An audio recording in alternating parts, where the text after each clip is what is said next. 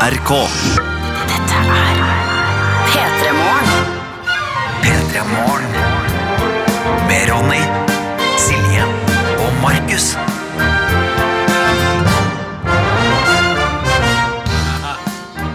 Velkommen tilbake, gutten. Takk, gutten. Hvordan går det, Markus Neby? Det, det går veldig bra, faktisk. Eh, Selv om jeg, hadde, jeg fikk en sånn liten støkk i meg på morgenkvisten her nå.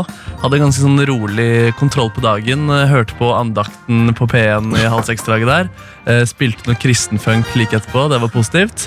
Um, og så kjørte jeg da en taxi på vei hjem til jobb. Det var en rolig taxitur. Vi forholdt oss ikke til hverandre. Jeg hørte på Throwback Thursday, som jeg skal ta med litt senere i sendinga. her. Satt den Eh, godt, forresten. Throwback først. Ja, den satt, den satt veldig godt. Jeg gleder meg til den der. Um, men også idet jeg skal ta fram kortet og betale, så ser jeg på taxisjåføren, og da får jeg støkk i kroppen. For i helvete, det er Per Orderud. Altså, det er Norges mest kjente En av Norges mest kjente siktede siktede drapsmenn. Naturligvis var det ikke Per Orderud. Han driver vel med gårdsvirksomheten sin der hvor eh, han Ja, eller eh, tar han nattoppdrag i Oslo by? Jeg vet ikke, ass, men det var i hvert fall dobbeltgjengeren til Per Orderud, og det satte en støkk i meg på morgenkvisten her. Sa du noe? Reagerte du på noe vis? Tror du at du ga fra deg et fjes? Nei, jeg tror ikke det. og det, Han var såpass fokusert på egne ting. Så, Ja. Men jeg vurderte om jeg kunne ta Eller om han hadde hørt det før. Men det er kanskje en liten fornærmelse å si at man ligner på drapsmenn. på en måte Så noen ting bare passer seg ikke å si til folk ti på seks på morgenen. Nei, nei, for eksempel. det. Og man kan jo si sånn der, for eksempel at man kan si at man ligner på noen, og så skal man si ja, ja, han er stygg, men det er en penere versjon. Og det hjelper ikke. Så jeg jeg synes det kan være greit hvis folk sier til meg at du ligner på hans, og så er det en veldig stygg person. Rott- Ratman eller noe sånt i Harry Potter. En eh, gammel eh, lærer, professor, er det noen som har sagt at jeg ligner på. Og den, Han er veldig stygg, da, og den er jeg enig i. Eh, men det synes jeg er greit at folk sier at jeg ligner på, så lenge man bare legger til altså, han er en styggere versjon. Men akkurat med drapsmenn så er det liksom Det er på en måte ikke det fysiske utseendet som er ja. greia der. Jeg husker En gang sa jo jeg bodde i et borettslag som hadde dugnad, og så vurderte jeg tenkte sånn, her, men jeg kan være med på dugnaden. Ja. Ja, ja. Og så sa hun som var styreleder sa sånn Du er jo prikk lik han som spiller Cornelius Vresvik. Ja, ja. Og jeg bare, han- for han- Ja, ja. Ja. Og så sa jeg sånn, han for helvete Ja, han er det, han er det, ja Og da tenkte jeg Jeg vet ikke, jeg, jeg, jeg har ikke jeg, det er ikke noe problem det Jeg bare ble litt sånn og veldig sånn, satte meg rett i bås Og så gikk inn og tenkte sånn, det er dugnad vil ikke være med på Ja, men dere har jo deres Gikk- likestrekk. Ja, men De er jo ikke noe like i det hele tatt. Ronny og Hank von Helvete? Nei. Da, da, Hank- da Hank von Helvete spilte Cornelius Resvik, så var det ganske like. ass Ja, men da, Det er jo bare liksom skjegget, da, i så fall. Nei, det er jo røslige karer. Ja, det er skjegg og, Ja. skjegg og Og glad i overvekt biff og kjøtt og birr. ass Ja, Men ikke utseende. Det syns jeg ikke. Jeg syns ikke det er noe likt. Jeg, synes man kan, jeg kan skjønne at de kan si det. Eller, det er, eller om man kan si det, da. Det er noe annet. da Men jeg kan skjønne at assosiasjonen kommer. Ja, det, jeg fant i hvert fall men jeg vet ikke, jeg, vet ikke jeg bare, jeg, jeg, synes det er et eller annet med Jeg tror kanskje ofte at du ikke blir så glad hvis du blir sammenlignet med folk. Jeg vet ikke Og jeg tror Hvis noen sier til deg at du ligner på Per Orderud til tidlig en torsdag morgen, Ja, ja. så kan du fort bli drapsmann. Oh. At, at, hva sa du? At, Nei, så kan du fort bli drapsmann av det. At man blir så sur, liksom. ja, sånn, ja. Altså, altså, Man blir i hvert fall ikke med på dugnad i ettermiddag. Oi, oi. Har du fått høre at du ligner på noen? Ja, det har jeg nok antageligvis, og jeg er ikke noe glad i det. Og jeg blir, jeg blir eh, ta- Sur uansett. Nei, det spørs jo. Hvis det er noen som er dritfin, da blir jeg selvfølgelig glad. Ja. Har du fått høre at du ligner på noen som er dritfin? No, altså, noen har sagt at jeg har ligna på Tone. Altså, Damli. Damli. Ja, og da blir jeg jævlig glad, Fordi den ser jeg ikke sjøl. Men, heller. men hvis eh, noen sier, ser det, så tenker jeg tommel opp. Ja, det blir det. Ja, Da blir jeg dritglad. Yes. Av alle ting! Av alle ting! Ja, men det er gøy. Velkommen til P3 Morgen! Du hører P3 Morgen. Og så skriver rørlegger Helge på Snap til oss til NRK P3 Morgen at han drømte i natt at jeg hadde starta isbil. og serverte den nydeligste uh, italienske is i Drammen. Så ja, kanskje det er det jeg skal gjøre etter Petter i Morgen. Ja. Begynne å servere deilig italiensk is i Drammen. Høres ut som et, uh, drømmejobb. Ikke sant? Men hva ville, hva ville du på en måte gått for? Uh, hva ville vært liksom imaget til isbilen? Nei, altså, Det måtte være god is, da. Jævla bra is. skulle Ja. hatt. Det skulle stått på sida. Ja, Hva definerer en god is? Nei, jeg synes jo at eh, det, det, jeg, kan, jeg kan begynne med det aller viktigste Silje Markus Rudsmør, på det aller viktigste for å få en god is Er jo at den ikke har blitt smelta og så fryst igjen Sånn at den har fått sånne iskrystaller i seg Ja, det er viktig. Ja, men Det er kjempeviktig, men det er overraskende mange plasser man opplever At man får sånn at, at, at inni, inni isen er det liksom is Altså sånn, sånn isbit-is på en måte litt grann. Det er utrolig provoserende Så det skal være mjuk eh, mot munnen og utrolig god. Så hørte jeg en stund, For et par måneder siden diskuterte radioprogrammet Radioresepsjonen Is, og da mente Steinar Sagen tror jeg, at, eh, at man trenger ikke vanilje i et isutvalg, for den smaken er så kjedelig. Eller kanskje det var Bjarte. Anyways, det gjorde meg rasende. Eh, for jeg mener, det, det, altså, det, det går ikke an å si. eh, fordi at eh, vaniljeis er faktisk den aller beste isen. Kanskje du skal bare ha en isbil som er kun vanilje? Jeg ser for meg vaniljepistasje og kanskje sjokolade. Ja, ok. Mm. Er Ja. motstander av alle de fiffige smakene du kan få på gelatoer rundt omkring. Jeg er jo ikke det. Nei. Jeg bare, jeg bare er utrolig glad i vanilje. da Jeg synes det er skikkelig skikkelig godt. Ja. Vanilje og pistasje det er de to beste tingene i verden. Og det er Uansett hvor masse fudge eller karamell eller whatever du stapper inn i eh, isen, og så fancy ting og lakris og haleis, så er det vanilje og pistasje står alltid igjen som to vinnere i horisonten. Ja, Steinar Sagen er ti år eldre enn deg, så kanskje han er på en måte eh, om ti år så er du også lei vaniljen. Jeg kan aldri, så mye vanilje i kjeften sin. kan aldri bli lei av vanilje. Hva er din favoritt, da? Min Din favoritt- favoritt- Du er jo masse i Roma for tida. Hva er din favoritt? Gelato? Nei, da, da er det ofte en ganske kjedelig variant jeg går for, med vanilje og sjokoladetyp. Ah. Men når jeg ser for meg verdens beste is, da, da får jeg bilde av båtisen med en eneste gang. Åh, Ja, det synes jeg er saftig greit. Det er mye, ja, det er mye klining på den. Du blir alltid skitten på fingrene, men dæven for en kombinasjon. Sant? Så Bo- Nordnesen, Det er på en måte isens club sandwich. På Ja, det, måte. det, er på en måte, det er på en måte det. Eh, nei, Og Club sandwich er din favorittmat ellers. Absolutt. abs uh, det er absolutt eh, sjokolade som er på topp hos okay, meg. ja. Eventuelt uh, noe sånn salt karamell. Jeg Men jeg ser for meg at du kan lirke deg inn på å fort gå i sorbeens land. Det kan jeg fort gjøre. Det handler liksom mer om magen enn om smaken. Ja, sånn, ja, okay, ja. Men jeg har også blitt litt glad i det siste i eksempel sitron. da Så hvis man har en, eh, et, en, en tressis med eksempel ei kule vanilje, ei kule, kule sitron og ei kule med sjokolade, Da da vi. snakker vi, ja. Ja, jeg kan like en god sitronis. Altså. Det kan jeg faktisk. Gravemaskin Ingeborg i Tromsø er med oss i dag og sier god morgen. Og hiver seg inn litt sånn eh, bare prat om matsvinn på morgenkvisten her og sier god torsdag og god morgen. Og sånn Og så skriver hun at, uh, av og til, altså at hun elsker å lage masse mat til middag, sånn at hun har rester dagen etterpå. Og så sier hun uh, og det blir jo ikke matsvinn hvis man faktisk spiser det. På, Sikter du til meg, da? Fordi jeg har mye matrester som ikke er spist. Eller Nå, nå er kjøleskapet renere, men før hadde jeg veldig mye mat som ikke ble spist. Uh, men nå er jeg flinkere til å rydde opp. Uh, det er vanskelig å lage restemat. Eller sånn, jeg lager det her, å, det blir deilig å ha som rester til i morgen. Jeg ender alltid med å spise opp uh, hele greia. og du altså. tar alt, ja. Ja, ja, ja, utover kvelden, liksom. Men lager du da for lite, eller blir du, for glupsk Nei, det tror jeg faktisk ikke. Altså. Ja, du blir for glupsk, ja. Jeg, jeg blir det. Jeg blir ivrig på maten. Ja, men du, er men Så du spiser middag, og så spiser du kvelds? Ja, er litt sånn, ass. Ja, ja, ja. Eller, jeg spiser ikke et eh, konsentrert måltid etter middagen. Det er bare sånn, jeg, det går sakte, men sikkert fram, og så til slutt så er det ikke noe mer igjen der. Ah, det, der, det som skjer hjemme hos altså, i, i oppveksten Så Ja. mamma også var altså, hvis det, var, det kom jo an på hvor mye som var igjen, men som oftest så bare satt hun eh, restene etter middagsmaten på benken. Ja, ja, ja. Eh, og da visste man at i løpet av kvelden så ble det borte. For da var folk og nibla der, og så ta en kotelett her, og kanskje litt potet der. Eh, Men for min del, gulrota faktisk, for å holde meg unna restene, det er altså for det første er det pakke det unna og sette i kjøleskapet. Mm. Men gulrota er at i morgen får jeg en dritgod middag, og da slipper jeg å gjøre noe. ja, det er en deilig Og det, det er bare trumfer alt, liksom. Sånn der behov for å gå og nibble. Ja. Jeg ser det også. Også, men uh, de siste har jeg fått veldig sånn ro når jeg lager middag. Så nå lager jeg Ja. stort sett middag hver dag også. Så det er sånn der, mm, det er ikke så vondt å liksom miste Eller å ja, miste opplevelsen Altså, Ja, for da for du du, har funnet gleden av å lage middag. Jeg, har jo noe, jeg er jo hjemme alene nå. Min kjæreste er på ferie. Så jeg har altså da foreløpig ikke laga et måltid. Nei, nå er jeg Silje Nordnes. Nå er jeg så fullstendig Silje Nordnes. Ja. Eller jeg, jeg lager lunsj. da Jeg spiser litt sånn brødskive til lunsj. Det kommer jeg fra jobb. Men hva, er det takeaway, da? Ja, det har vært en god blanding av takeaway, spise ute, og så hadde jeg den, den litt rare mandagen der jeg hadde så mange avtaler som gjorde at jeg endte opp på McDonald's. Og fikk eh, servert Det har begynt med bordservering på McDonald's. Eh, ja, ja. Men du, da kan jeg informere om at jeg er også alene hjemme nå, og i går lagde jeg meg middag. ja. Sånn Ja. at eh, Hva lagde du da? Så du, you can do it. Hva lagde du? Nei, jeg lagde uh, kylling, uh, ris og salat. Oh. Ja, ja, ja. En av mine aller største favorittretter. Oh. Noe saus til, eller? Soyasaus på uh, risen, og så olivenolje og salt og pepper på salaten. Ja, ja. Enkelt. Ja, ja, ja. Ah, Nei, det, var noe, det er litt food inspo. Har vi noe fra kokke Kristin i dag òg, kanskje? Du, Kokke-Kristin har ikke meldt seg på Ja, ennå. men hva fader? Og fri? Har hun fri i dag, da, Ja, mulig det. Ja, Eller kanskje det er travelt på kafeen. Men uh, student-Sara er nå med oss, og hun sier at hun har eks, uh, altså, eksamensperioden har nå offisielt begynt. Men oppi hodet hennes så er det bare julegaver og julebakst. altså, det fokuset Feil fokus! Feil fokus. Du må spore litt tilbake. Ja, hun gleder seg veldig til jula. Og så har vi fotokaren her som har uh, en DAB-radio som er ødelagt, og i dag skal hun levere den inn til uh, sånn service, og skrive det er så, så irriterende når teknologiske ting som er relativt ny, bare slutter å fungere. Ja, enig. Ja, så hun har nå lånt seg en radio nå i mellomtida. Ja, jo, så- Det var såpass, ja. bra. Og jeg får Iherdig. fått låne radio av butikken. Ja, se her, du skal ha reparasjon, da får du med låne radio hjem igjen. Det var koselig. Eh, takk for melding. Fortsett med det. NRK P3 Morgen på Snap eller P3 til 1987 hvis du vil si hallo, hallo.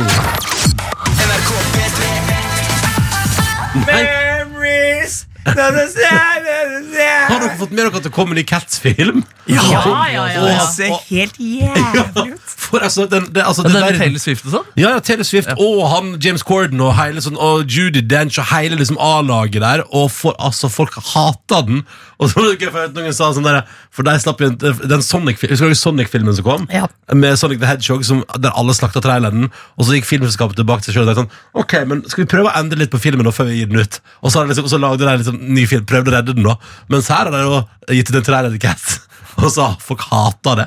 Og så er det nytt der det det er akkurat det samme. Ingen Ja, det er Jeg tror, jeg, tror, jeg tror det er for mange ting å endre i Ja. Cats-filmen. I den, den uh, Sonic-filmen. Den, uh, Den er, den er jo animert. Ja, og, og jeg leste i går at de har brukt liksom sånn uh, 30 millioner dollar eller noe sånt på da å redesigne den der, det der dyret. Da. Ja. Fordi folk det skal bli til en cat? cat. Memories! og så videre. Hei, Dr. Jones. Hei, gjengen! Hvor du har vært denne veka? Jeg har laget nye P3 Morgen. Oh, ja. Oi, shit! Men er du ferdig nå, da? Nye Petter Ja, Morgen nå er du ferdig. Ja. Da, ja, så bra. Hvem er det skal sove til jul, da? Kan ikke si det. Nei, okay, ja. Nei, vi aner ikke. Fader. Jeg skal Men si du dere skal sitte her og ralle. Ja, antakeligvis. Jeg skal si dere en ting. Det er vanskelig å lage ny radio. Ja, Jeg ok. blir så nervøs. Jeg går rundt hele tiden og, og For jeg, du som hører på, jeg, er jeg, jeg blir helt jeg blir stressa. Men du har god erfaring med det sjøl. Bare se på badevaktene. som var for noen år siden Skal vi snakke om badevaktene, Markus? Hva skal vi snakke om badevaktene? Var Men Har du vært med å lage flere nye programmer sånn fra bunnen? mange. Ja. Hvilke, hvilke andre, andre vi har hørt om? Nei, det er mange, og jeg, noen har gått bra, og en del har gått dårlig. Ja, ja, ja. Riktig. Hva, hva, hva er det du har på, hva på samvittigheten, da? Av nye radioprogram? Hallo, P3. Hallo, P3, Jeg har laget Prebz og Dennis. Ja, ja, ja, det er gøy, det er gøy. Eh, Jeg har laget Steinar og Bjørns bærbare fredagsparty med Bjørn Eidsvåg. Det ble én sesong, ja. Ja, det ble et halvt år der, ja. Men hadde de lyst til mer? Nei, det tror jeg ikke. Eh, Men, jeg skal også, men Badevaktene var jo et sommerprogram som jeg, eh, Marie Kinge og jeg lagde to, to eller tre somre. Eh, Og det er også debuten til Markus Neby på P3. Det stemmer, ass. det stemmer ass vi har hørt mye, eller Den historien har vi hørt mange ganger. Ja, Men faen, den kanskje jeg er, skal ta med klipp fra det? Ja, det kan du gjøre. ja, gjerne det neste gang. Altså, for det Det gjorde at jeg tenkte mange ting om Markus Neby i årevis. Omdømmeproblem hos deg i lang tid. Marie, Marie Kinge, da, som eh, var programleder i Trekant før, og sånne ting, hun har gått på skole med deg, stemmer det? Eller? Ungdomsskole og Ja. videregående, og så spilte vi revy sammen. Så ganske gode venner, egentlig. Hun sa sånn for Vi hadde en sånn konkurranse Vi hadde et sånn badebasseng ute på terrassen her, og så skulle folk holde pusten i bassenget. Og den som hadde holdt pusten lengst, vant Øyafestivalbilletter. Så ganske fin, fin Ja, premie. god premie, ja. Og så var det litt sånn vanskelig å få folk til å komme, Lulu, så noen ganger så måtte vi jo uh, finne folk vi kjente. da Og da sa Marie en dag sånn Hele Foss-revyen var med i denne spalten her. Absolutt.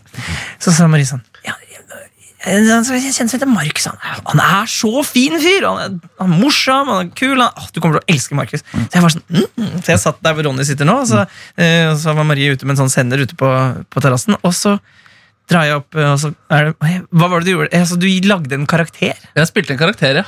Det var en sånn revykarakter. Uh, og det var også fordi jeg følte presset, fordi jeg kom inn i dette rommet her sammen med Marie. Og da var det sånn Markus er dritmorsom, dette her blir helt rått. Og da, dæven, da må jeg virkelig kline til. da Og da gikk jeg uh, inn i Jeg hadde ikke hørt så mye på radio. Hvilken type karakter var det? Jeg tror det var en som ikke Han sa ikke så mye. Ja, nei, nei. Jeg tror Jeg tror det var litt sånn Åh, åh, Ja, Jeg fikk spørsmål om det. Og hvis jeg skulle holde pusten, så, det, så gikk jeg bare nedi eh, vannet der, og så bare Og så gikk jeg rett opp igjen. Og så sa dere at jeg skulle prøve igjen, og så prøvde jeg igjen, og så Nei, nei. Så det ble ikke noe Øyafestivalbilletter på deg, da? Nei, Det ble rar radio. Jeg tror Marie følte at jeg hadde lurt henne, eller pranka henne etter, etter det intervjuet der. Hele Norge trodde det. Og du, og, du, og du og Marie har ikke prata sammen etter det. Nei, det røyk der, det vennskapet. Ja, sånn, ja. Men så da brukte jeg kanskje to år da på, uh, på å like deg. For jeg tenkte sånn, her, Hvem er det som kommer på radio og bare uh, sier oh, nei, åh, åh». Det er, sånn der, det er sånn, det er verdens dårligste idé. Jeg, skal, jeg skal lage en karakter som ikke snakker. Ja, jeg tror han snakket, jeg bare husker ikke nøyaktig hvordan det var. Men hvor lenge har vi har kjent hverandre nå, da? Ja, du er jo seks-sju år, da. Ja, tenker jeg liker deg ikke fortsatt. Ja, sånn er det. Nei, nei. Nei. Nei, nei, nei. Rett før vi gikk på, så sa jeg til Markus så fin skjorte han har. Han har så fin oransje skjorte i dag. Gratulerer. Den koster 500 kroner. Så hvis du Vippser deg 500 kroner, så sleiker du på koppen til Nei, Eller så sleiker du på koppen, og så får du den. Det er riktig, det er sånn det er. Uh, ja. Eh, Husker dere det? Det er det siste jeg husker fra sist vi møttes. Altså, jeg slekka på koppen til Olaug Bollestad forrige fredag. Om jeg husker det. Ja. Men Ja, Det var eh, litt av en ting å gå inn i helga på. ja. ja, ja. Litt sånn skamfølelse inn i helga. Men mente du, Markus, liker du meg ikke ennå? Nei, jeg liker det kjempegodt. Ja. Det var jo en, en vits som lå der, som jeg tok tak i. Det er fortsatt, øh, på en måte, Jeg kødder jo fortsatt på radioen på, på altså, Det har blitt mye bedre. ja, eller, jeg, jeg, altså, jeg, jeg er ikke karakter i like stor grad som i starten. i hvert fall Jeg er fall glad at den karakteren vi får nå, er verbal. Ja, det er sier masse. Ja, jeg tror han Det er jeg sa ting altså. Men kan ikke du finne frem klippet? Jo, jeg skal, jeg, skal, det, jeg skal inn i arkivet der, da 2014, kanskje det? da Jeg tror det er før, jeg. Uff. Ja, ja, det, er, det er før det. det er, jeg tror det er, det er 2012. Det er, jeg lurer på om vi skal til 2011 til og med. Oi, si, hei, Og det er veldig mange sendinger med badevaktene som skal gås gjennom. Nei men, det, jeg, jeg, jeg, jeg, nei, men jeg tror jeg skal klare å finne det. Prøve å finne det til i morgen. Det blir en fin fredagstreat. Ja, ja, da får vi det i morgen tidlig. Så skal du få uh, to- throwback Thor. Nei, nei, nei. Lykke til. nei. Her skal du få Throwback Thursday her i Petter Morgen. Markus Neby har med tune. Hva kan det være i dag? Følg med. P3 Silje Nordnes er det samme som heter Ronny. Og Markus Neby, du har med Throwback Thursday i dag. Det stemmer, og vi skal til en, en, en duo og en låt som jeg hadde litt sånn samme opplevelse med som med Nico og Vince. Sånn at man hørte låta, man hadde hørt den, og så, var det sånn, så fikk man et lite sjokk da man skjønte at de var norske. For Det, var liksom, det, det føltes litt for internasjonalt ut til at de kunne være norske. Eh, Den duoen her jeg skal komme straks til hvem det er. Har jeg prøvd å få tak i til spalten Where Have You Been? For Oi. de har virkelig forsvunnet. da. Eh, Og jeg, jeg tror jeg fant noen Facebook-kontoer, men det var lukket og jeg har i hvert fall ikke fått noen kontakt der i det hele tatt. Og da når jeg liksom googlet dem litt nå, så skjønner jeg kanskje hvorfor, fordi de fikk gjennomgå litt, annet av musikkanmeldere for, for denne albumet. Dette er fra 2000, den anmeldelsen her. Dette bandet høres akkurat ut som Boys Voice, dessverre uten noen form for humor. Oh, det er fjortisfuktende trusemusikk som tar i bruk alle de klassiske knepene. Knep som skal få ungjentene til å bryte ut i den like klassiske 'Å, han er så søt'. Vi kritikere hater selvsagt denne musikken. Det er jo jobben vår. De er kåte, eh, jobben deres er å kåte opp jentene nok til at de går i platebutikken og kjøper singlene deres. Det har vi full forståelse for.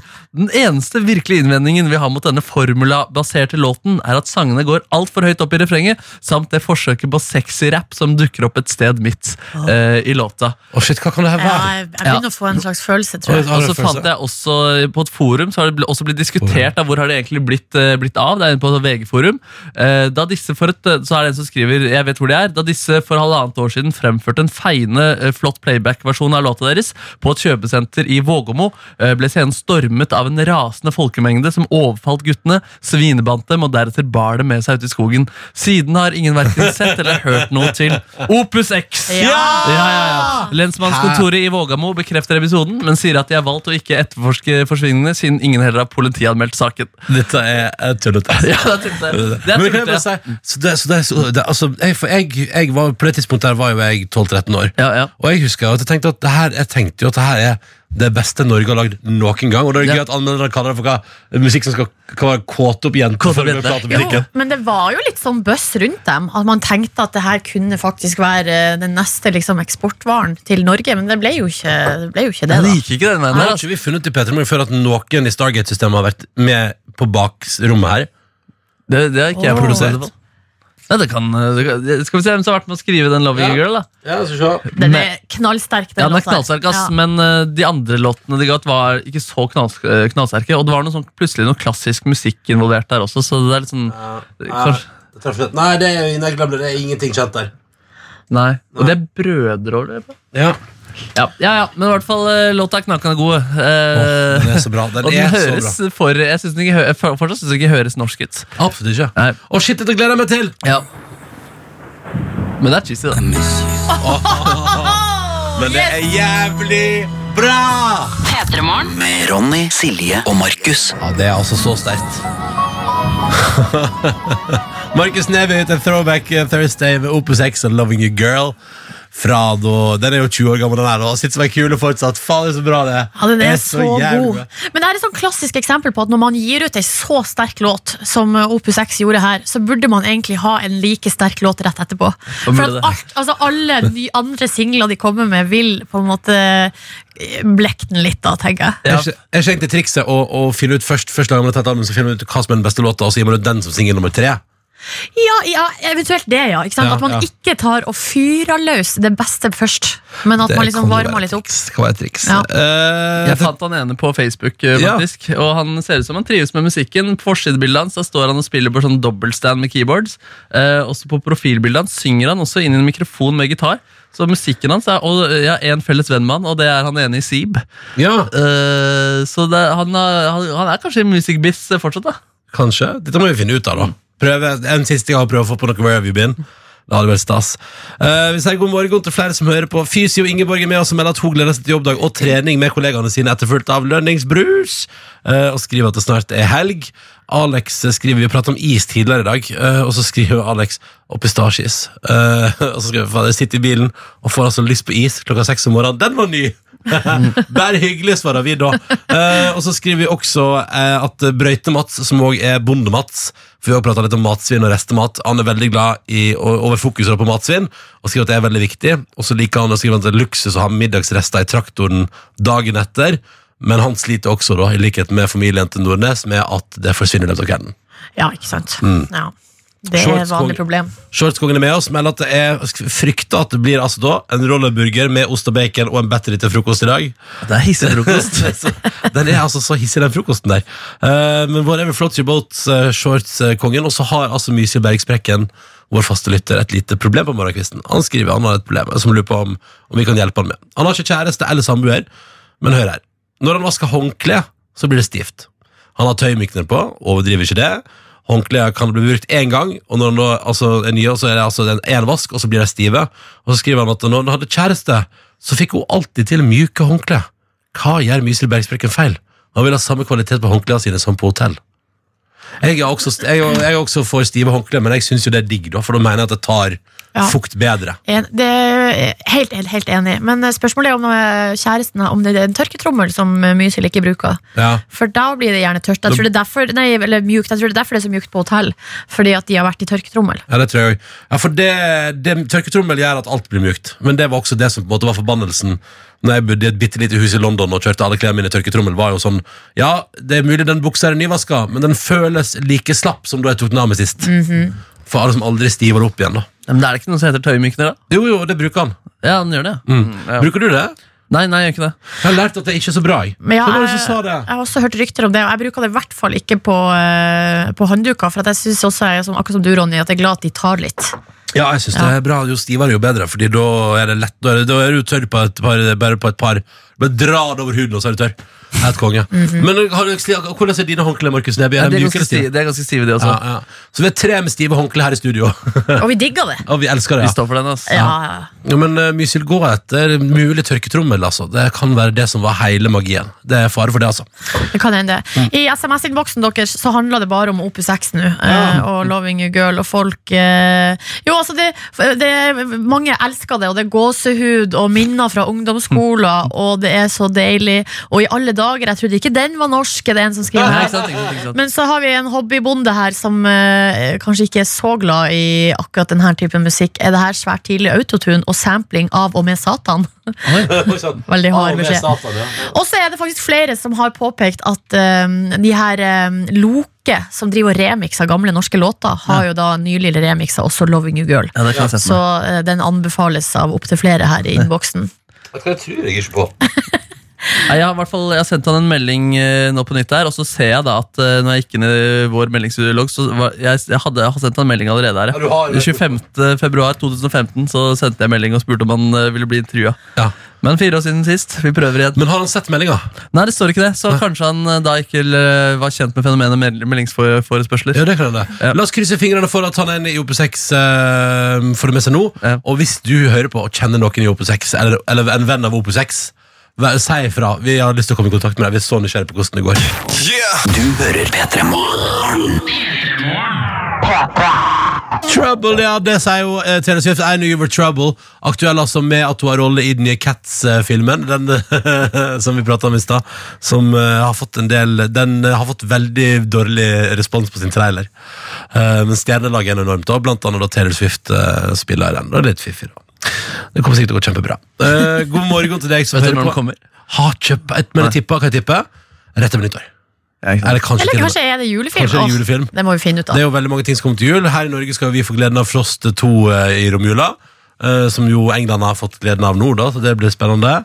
Eh, Star Wars kommer også rett før jul. kommer den nå? Ja, den kommer rett før jul. Men den har også sluppet eh, trailer, og den er også på en måte gjenstand eh, for mye latter. Hva er det folk irriterer seg over der, da? Nei, blant annet at Disney aldri kommer til å bli ferdig med, med traileren. Blant den, åpne, den åpner med eh, Jeg tror traileren åpner med en sånn der The story ends now, eller noe sånt, og så avslutter traileren med It will never end. eller et eller annet i det. Uh, sånn der, så er folk kødder med Ja, The Rise of Jar Jar blir, uh, neste, blir neste serie der, da, som er en forhatt figur fra Star Wars-universet. Ja, ikke sant. Jar Jar Binks? Jar Binks, Ja, alle hata han. Det var liksom synd. Hvorfor Jeg, jeg han? synes så synd på han. Nei, det, jeg tror det var fordi at, han, eh, at eh, hardcore-fansen ikke likte at det skulle være sånn slapstick-humor plutselig i Ja, Star At Wars. det bare var en eh, humorfyr som ikke hadde noe dramatisk eh, effekt. Og så var han klumsete, og så datt han og sånn. Oh, oh, oh. Ble ikke satt pris på det, liksom. Nå ser jeg her inne på Wikipedia Cats-filmen kommer eh, nå eh, Altså release 20. desember. Så, det, så det skal være julefilm, Ja, ja. ja, ja, jeg tenker det. meg. Mjau. Jeg kommer ikke til å stå først i kø der. Da kommer jeg faktisk, vet du hva, jeg tror faktisk, jeg tror faktisk til og med jeg kommer til å se Mamma Mia først. Har du så litt lyst til å se den? Ingen, altså, jeg tror du kunne ledd og kost deg, liksom? Altså, Vi så eh, gamle Cats, eh, men det var altså, sånn filming av teaterstykker da, på VHS på barneskolen. Og Jeg tror jammen vi så den flere ganger, og det husker jeg at jeg syns jeg ikke. Jeg synes det Ja, er men- Memories er kjempefin. Memories Men jeg og mamma var jo og så det i Oslo Spektrum. Ja. Me- ja, Memories er nydelig. Ja, Eh, kjempe- men vi så, og det var to akter, stor musikalteater i Oslo Spektrum. Eh, og så sitter vi gjennom første akt, eh, og da satt jeg og liksom var litt sånn der stuss. eh, og så til slutt så snur jeg mot mamma og så sier jeg sånn Skjønner du hva som skjer? Eh, og hun bare Nei, ikke i det hele tatt. Og da måtte, jeg altså, da, måtte vi google Cats og plott. Ja. Og da står det at det er den musikalen til Andrew Lloyd Webber som ikke har noe handling. Ja, nemlig. det er bare Sånn at eh, Det er bare sånne der, eh, på en måte små scener, tablåer. Uh, fra, altså sånn at det henger på en måte ikke helt Og så er det ei historie med ei katt som har det litt vondt, og det er hun som synger Memories. Eh, Jason Derulo er også med i filmen. Dere. Det, ja, det Nei, da blir det bra. Mjau, mjau, mjau, mjau. Jeg lurer på om det er han som på et eller annet tidspunkt i traileren står og bare roper 'Milk! Milk!' Blir ikke, da blir jeg nysgjerrig. Nei, jeg blir Jeg vil se Jason Derulo synge Milk. Dette er NRK P3.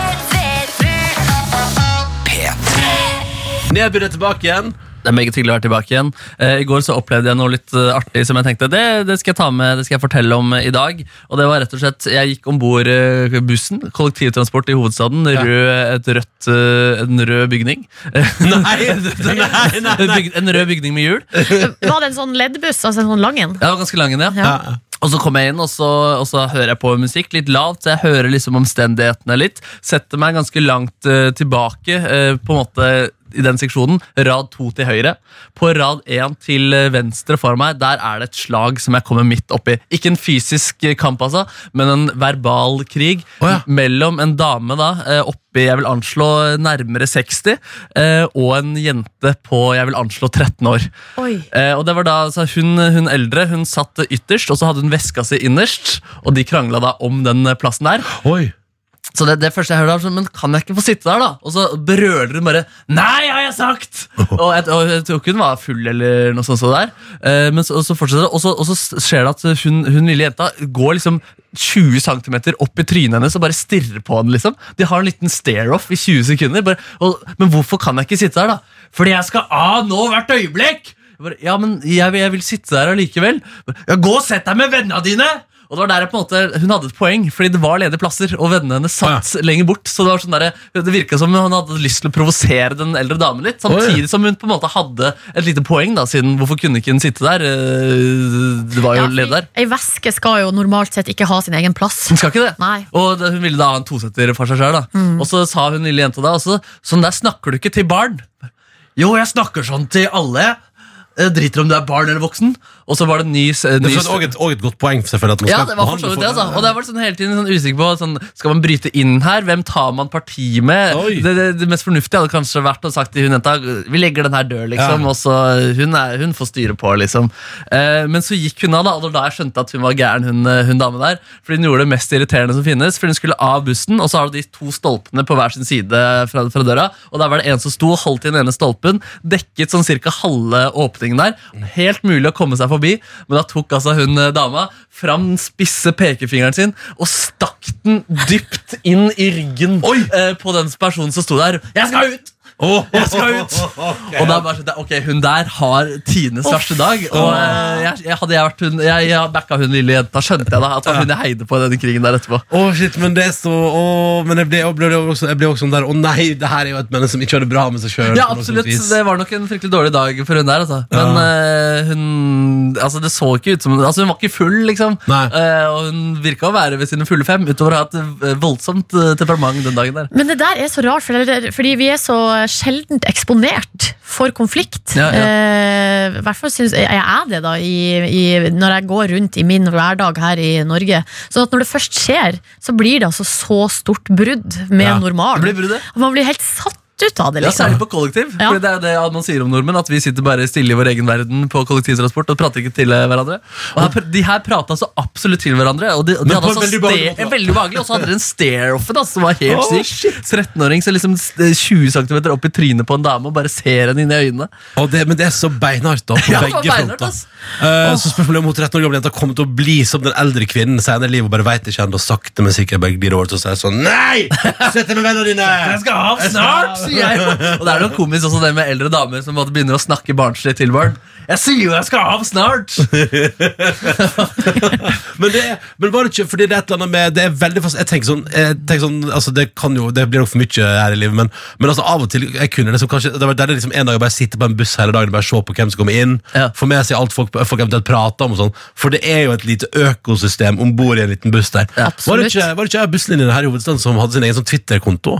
Jo, 37-bussen. 37-bussen. Ja, For det var liksom så hyggelig buss. Ja, ja, ja. Ja. Kos, kos. Så da, hvis du følger 37-bussen på Twitter der, så var det sånn der da, Sjåføren sa sånn hyggelig altså, Det var sånn, der, sånn hyggelig anekdote fra bussen. da Ja, plutselig dukker det altså, Det var en gang John Cleese var i Norge og tok 23-bussen også. Det er altså Ja. sånne syke ting som plutselig kan skje på bussen. Og Var det ikke du Nordnes og min kjæreste som møtte en papegøye på 20-bussen? Eh, jo, Ja, her, står vi og, uh, her står vi altså rett og slett og har en helt vanlig dag. Men altså, det, i det øyeblikket vi ser at en fyr har ei papegøye på skuldra, da slutter den dagen å være vanlig. og det var jo ikke bare vi som la merke til det. Det ble ei utrolig spesiell stemning på den bussen. Altså, alle fikk en, et lite høydepunkt, liksom. Uh, og det var tilsynelatende en helt vanlig fyr med uvanlig papegøye Ja. på sin Papegøyen skulder. tok to seter og sa 'jeg skal ta av her'. Og så sa han sånn men papegøyen kan ikke jeg et sete, jeg kan sitte på skulderen din. Nei! ja, det, er, det skjer så mye. Så god morgen til deg som skal ut og kjøre buss eh, i løpet av morgenkvisten, enten det er i hovedstaden eller helt annen plass i landet. Kanskje du opplever noe rart i dag. Med Ronny, Silje og Markus. Riktig god morgen. Så glad å du på dette P3 Morgen med Markus, Espen heter Ronny og Silje Nordnes. Det stemmer. God morgen. Håper du har en fin dag. Eh, Og nå, dere, nå tikker det imot eh, 1. januar 2020, og da er det sammenslåingstid. Ja. Det har jo vært i eh, oh, nei, nå fikk jeg planlegging skikkelig sånn eh, rar følelse i kroppen. ja, for det har vært i gjære lenge, og det har vært masse forberedelser blitt gjort. Man har funnet nye navn. eh, De har vel sett på byråkrati, hvordan skal ting planlegges.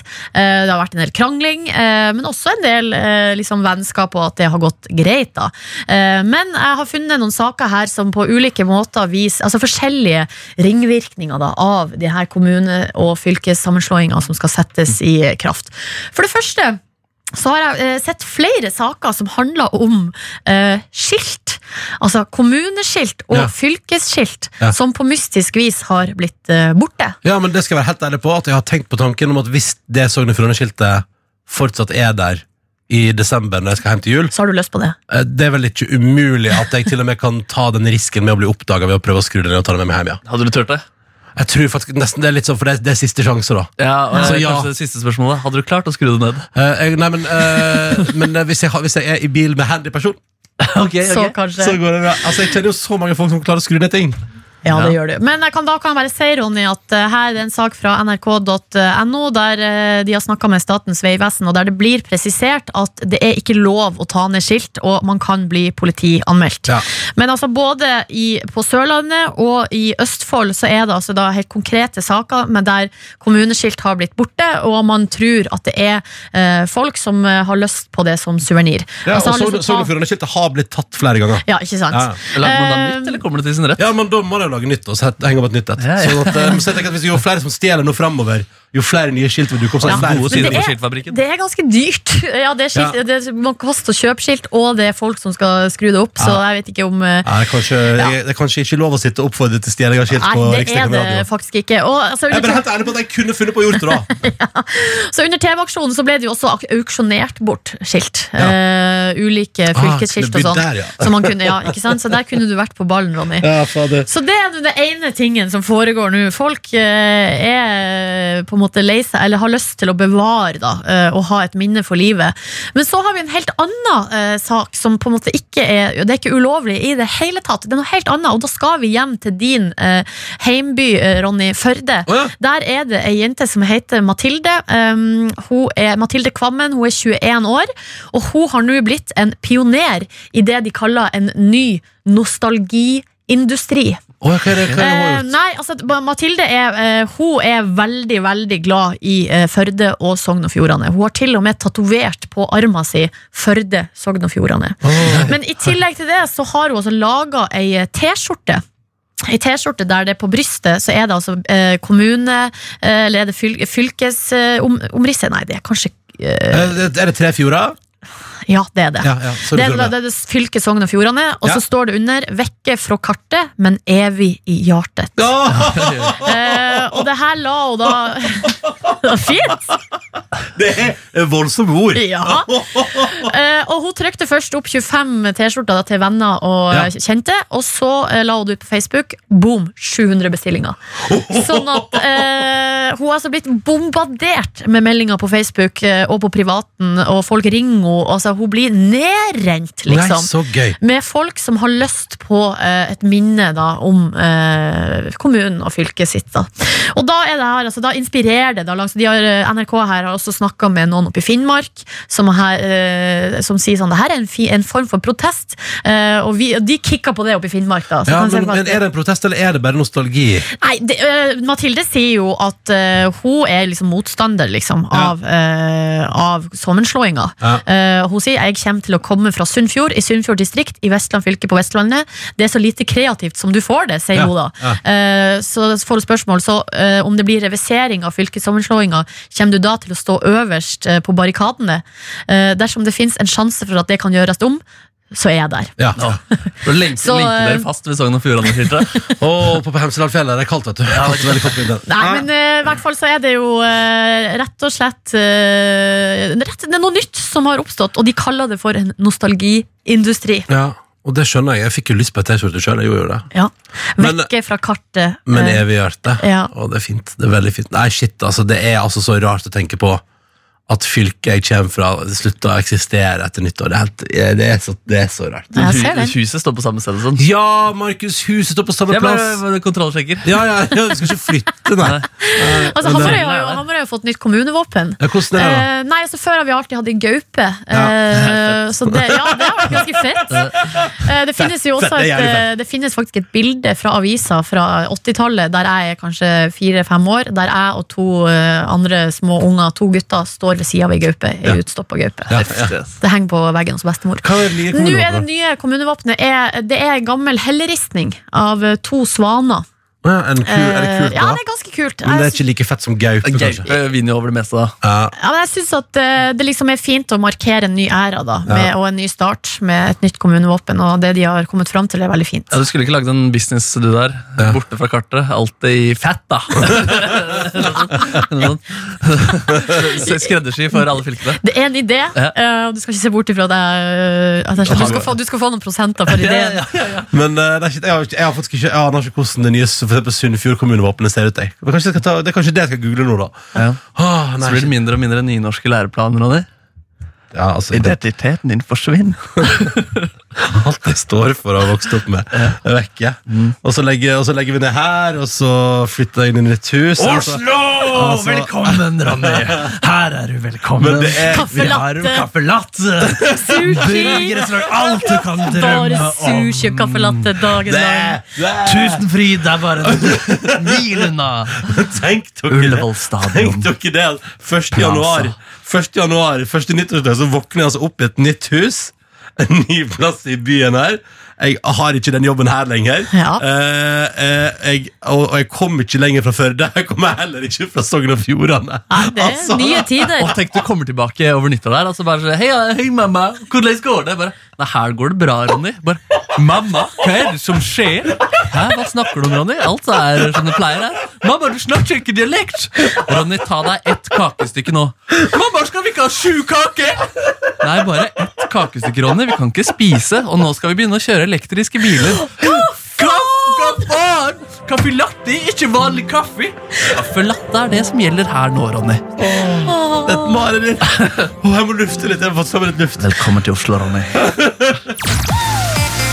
P3. P3. Og nå skal det handle om dette deilige, denne deilige musikkfesten som er neste lørdag. P3 Gull.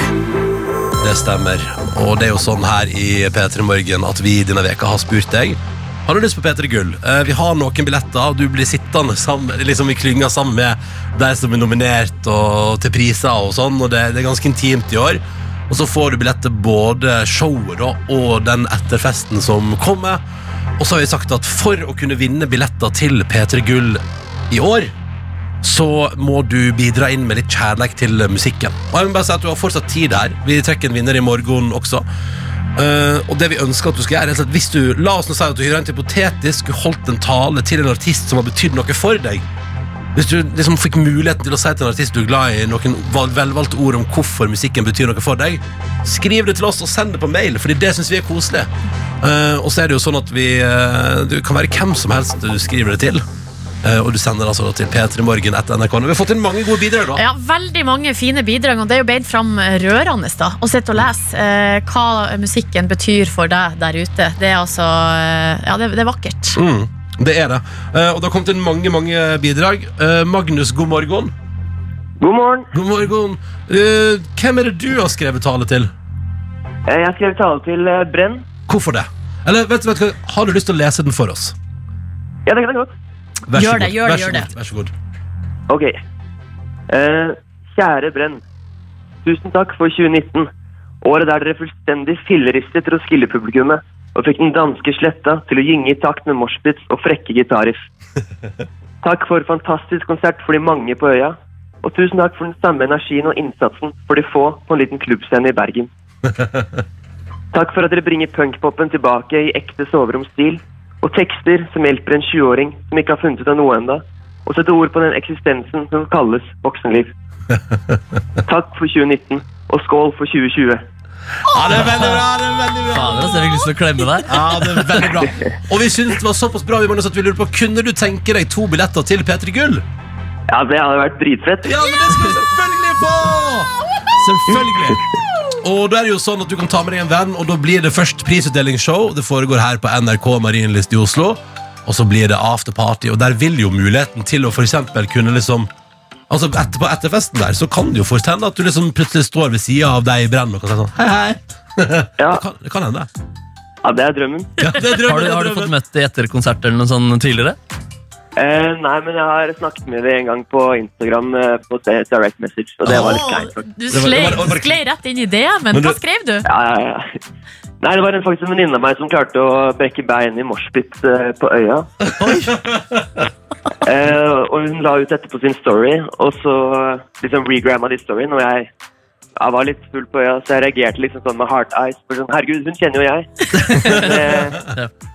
De trodde at jeg reagerte på eyes på at de, hun brakk beinet, og det var ikke kult. Nei, Å nei, nei! Ah, du digger det, du. Hæ?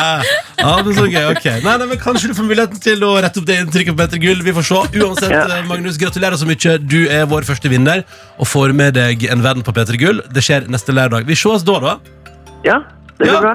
Ok, ha det, Du Magnus! fram Ja, det. Ja, nå må vi finne fram Peter, for nå blir det altså Peter Gull på Magnus. Og i morgen trekker vi vinner til. Så gjør som Magnus. Det var en nydelig kort og fin tale med masse følelser og skryt av brenn. Har du en artist du kunne liksom skrevet noe sånt om? Du har eh, fram til i morgen tidlig på å hive deg på hvis du vil. P3morgen at nrk.no er mailadressa vår. Og da er det bare å hive inn, og så ser vi, eh, skal vi trekke en ny vinner i morgen tidlig. Det blir spennende. Men sjansen er der fortsatt, altså. Ei tale til et band eller en artist du har satt pris på i det siste året, eller de siste åra. Fordel om det er knytta til, eh, til P3-universet. Altså, Om det er en norsk artist som kanskje til og med er på Petter Gull, er jo det litt gøy, da. Ja, så, så ikke en tale til Maria Redondo. Den er litt, eh, den er litt på sida, på en måte. Altså, Ja, hvis men hvis, det, ja, hvis hjertet ditt banker for Maria Arredondo eller Åge Aleksandersen, send det inn. ja, da. Ja, ok. Ja, ja, altså, vi, de tar det jo imot. Det er jo gøy, liksom. Med Ronny, Silje og Markus. P3morgen. Silje Nordnes er her. Yeah. Jeg som heter Ronny Brede Aas er yeah.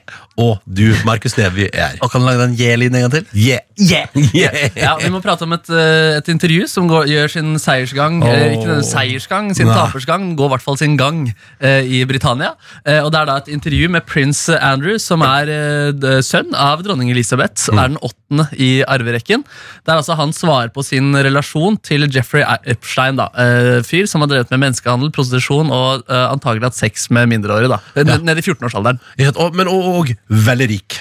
Veldig rik fyr. Ja, Eh, og veldig, veldig uh, rike uh, hva heter, og berømte connections. Ja, Hadde sin egen private øy hvor eh, folk hadde Hvor noen hadde det moro, i hvert fall, og noen hadde det helt forferdelig. Ja. Eh, og Det er dette nå prins Andrew svarer for. Han, eh, han var jo i fengsel allerede i 2008, Jeffrey Epstein, da han skal ha presset en mindreårig jente til prostitusjon. Da var han der i 18 måneder. Det hadde han tilstått eh, også.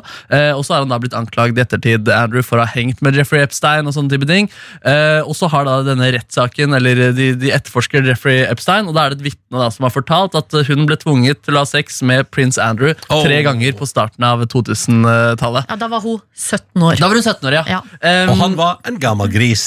Absolutt. Og så har han nå svart da, eh, på, disse, eh, på dette i et intervju som er gjort i helgen. Og da hører vi altså en fyr som altså sånn, man skulle, altså, Det er jo mange som er gode til å lyve i retten og finne gode bortforklaringer. Altså her, Dette er så svak roing. da Skulle tro han var bedre til å ro, men her forklarer han blant annet den ene grunnen til hvorfor uh, hennes forklaring ikke stemmer. One of Epstein's accusers, Virginia Roberts, Yeah. has made allegations against you. She was very specific about that night. She described dancing with you No. and you profusely sweating, and that she went on to have a bath, There's a- there's a possibly. there's a slight problem with with with with, with the sweating um, because uh, I, I, I have a peculiar medical condition, which is that I don't sweat, um, or I didn't sweat at the time, and that was oh actually yes, I didn't sweat at the time. No, no. Så uh, Hun har sagt at han svetta, Ja. uh, prins Andrew, og så sier han nå, uh, ti år etterpå Ja.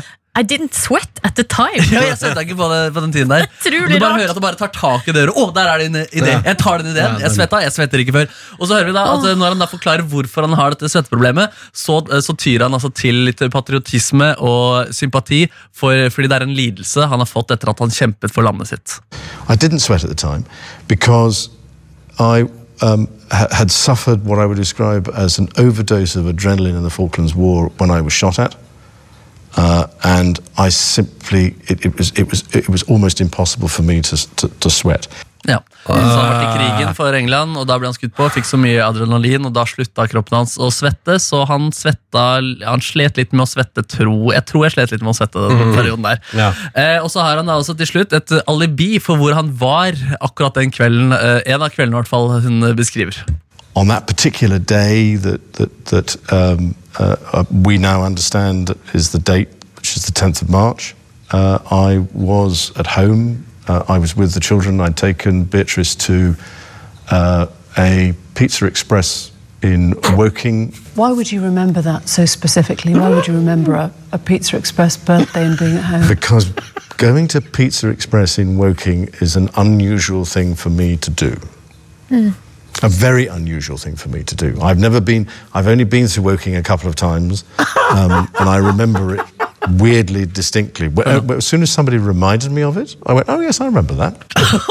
Det er så svakt skuespill på slutten. da Når noen minner meg på det. Ja, ja, stemmer det, stemmer det, det var det, det var noen som Det sa det. stakkars Pizza Express som ble dratt inn den kjeden. Ja, ja, ja. De prøver bare å servere pizza, og så plutselig er de rett inn i en sånn Alibi for, alibi eh, for pedofili. pedofili og prostitusjon. Men det er så sjukt, det her uh, intervjuet. Altså, I all den tid han bruker på å snakke om svette og Pizza Express, kunne han jo brukt til å vise sympati for ofrene, f.eks. Ja. Til Jeffrey Epstein. Ja, det det, det gjorde så... han ikke, det gjorde han ikke i det hele tatt. Ja, for det er vel det som, er, det som får mest kritikk er at, at du, han har liksom ikke på noe som helst vis unnskyldt at du fortsatte jo å være kompis med han som er dømt for menneskehandel og prostitusjon og pedofili. Sånn, ja, det, det har han fortsatt å være. Ja, altså si at Han dro ned til Epstein i 2010, da, etter at han hadde kommet ut fra fengsel, eh, og skulle eh, avslutte vennskapet.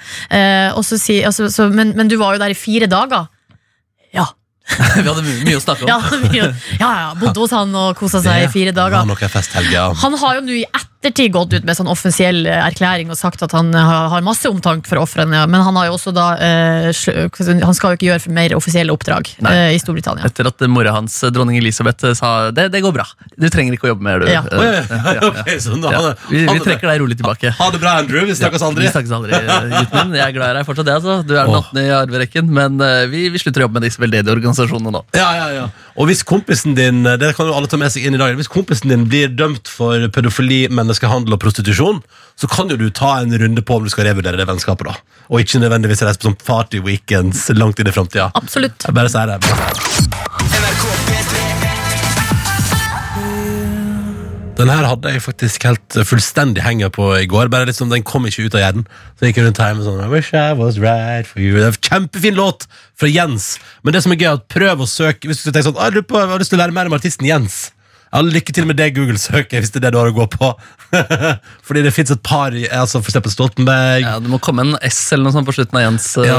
Eller enda en S på slutten. Ikke sant? Jens Men Hva med Jens og sånn dollartegn? Ja, det er fint. Fordi det sånn typisk eh, Men det er kanskje litt mer sånn Det gir inntrykk av at her får du noe rapp eller hiphop. Ja. Og så er det ikke det du får i det hele tatt. Ja, fordi det er ikke, det er ikke dollartegn her, det er hjerter. Ja. Eh, parentes A innen der, så har vi jeans, da. Eh, Det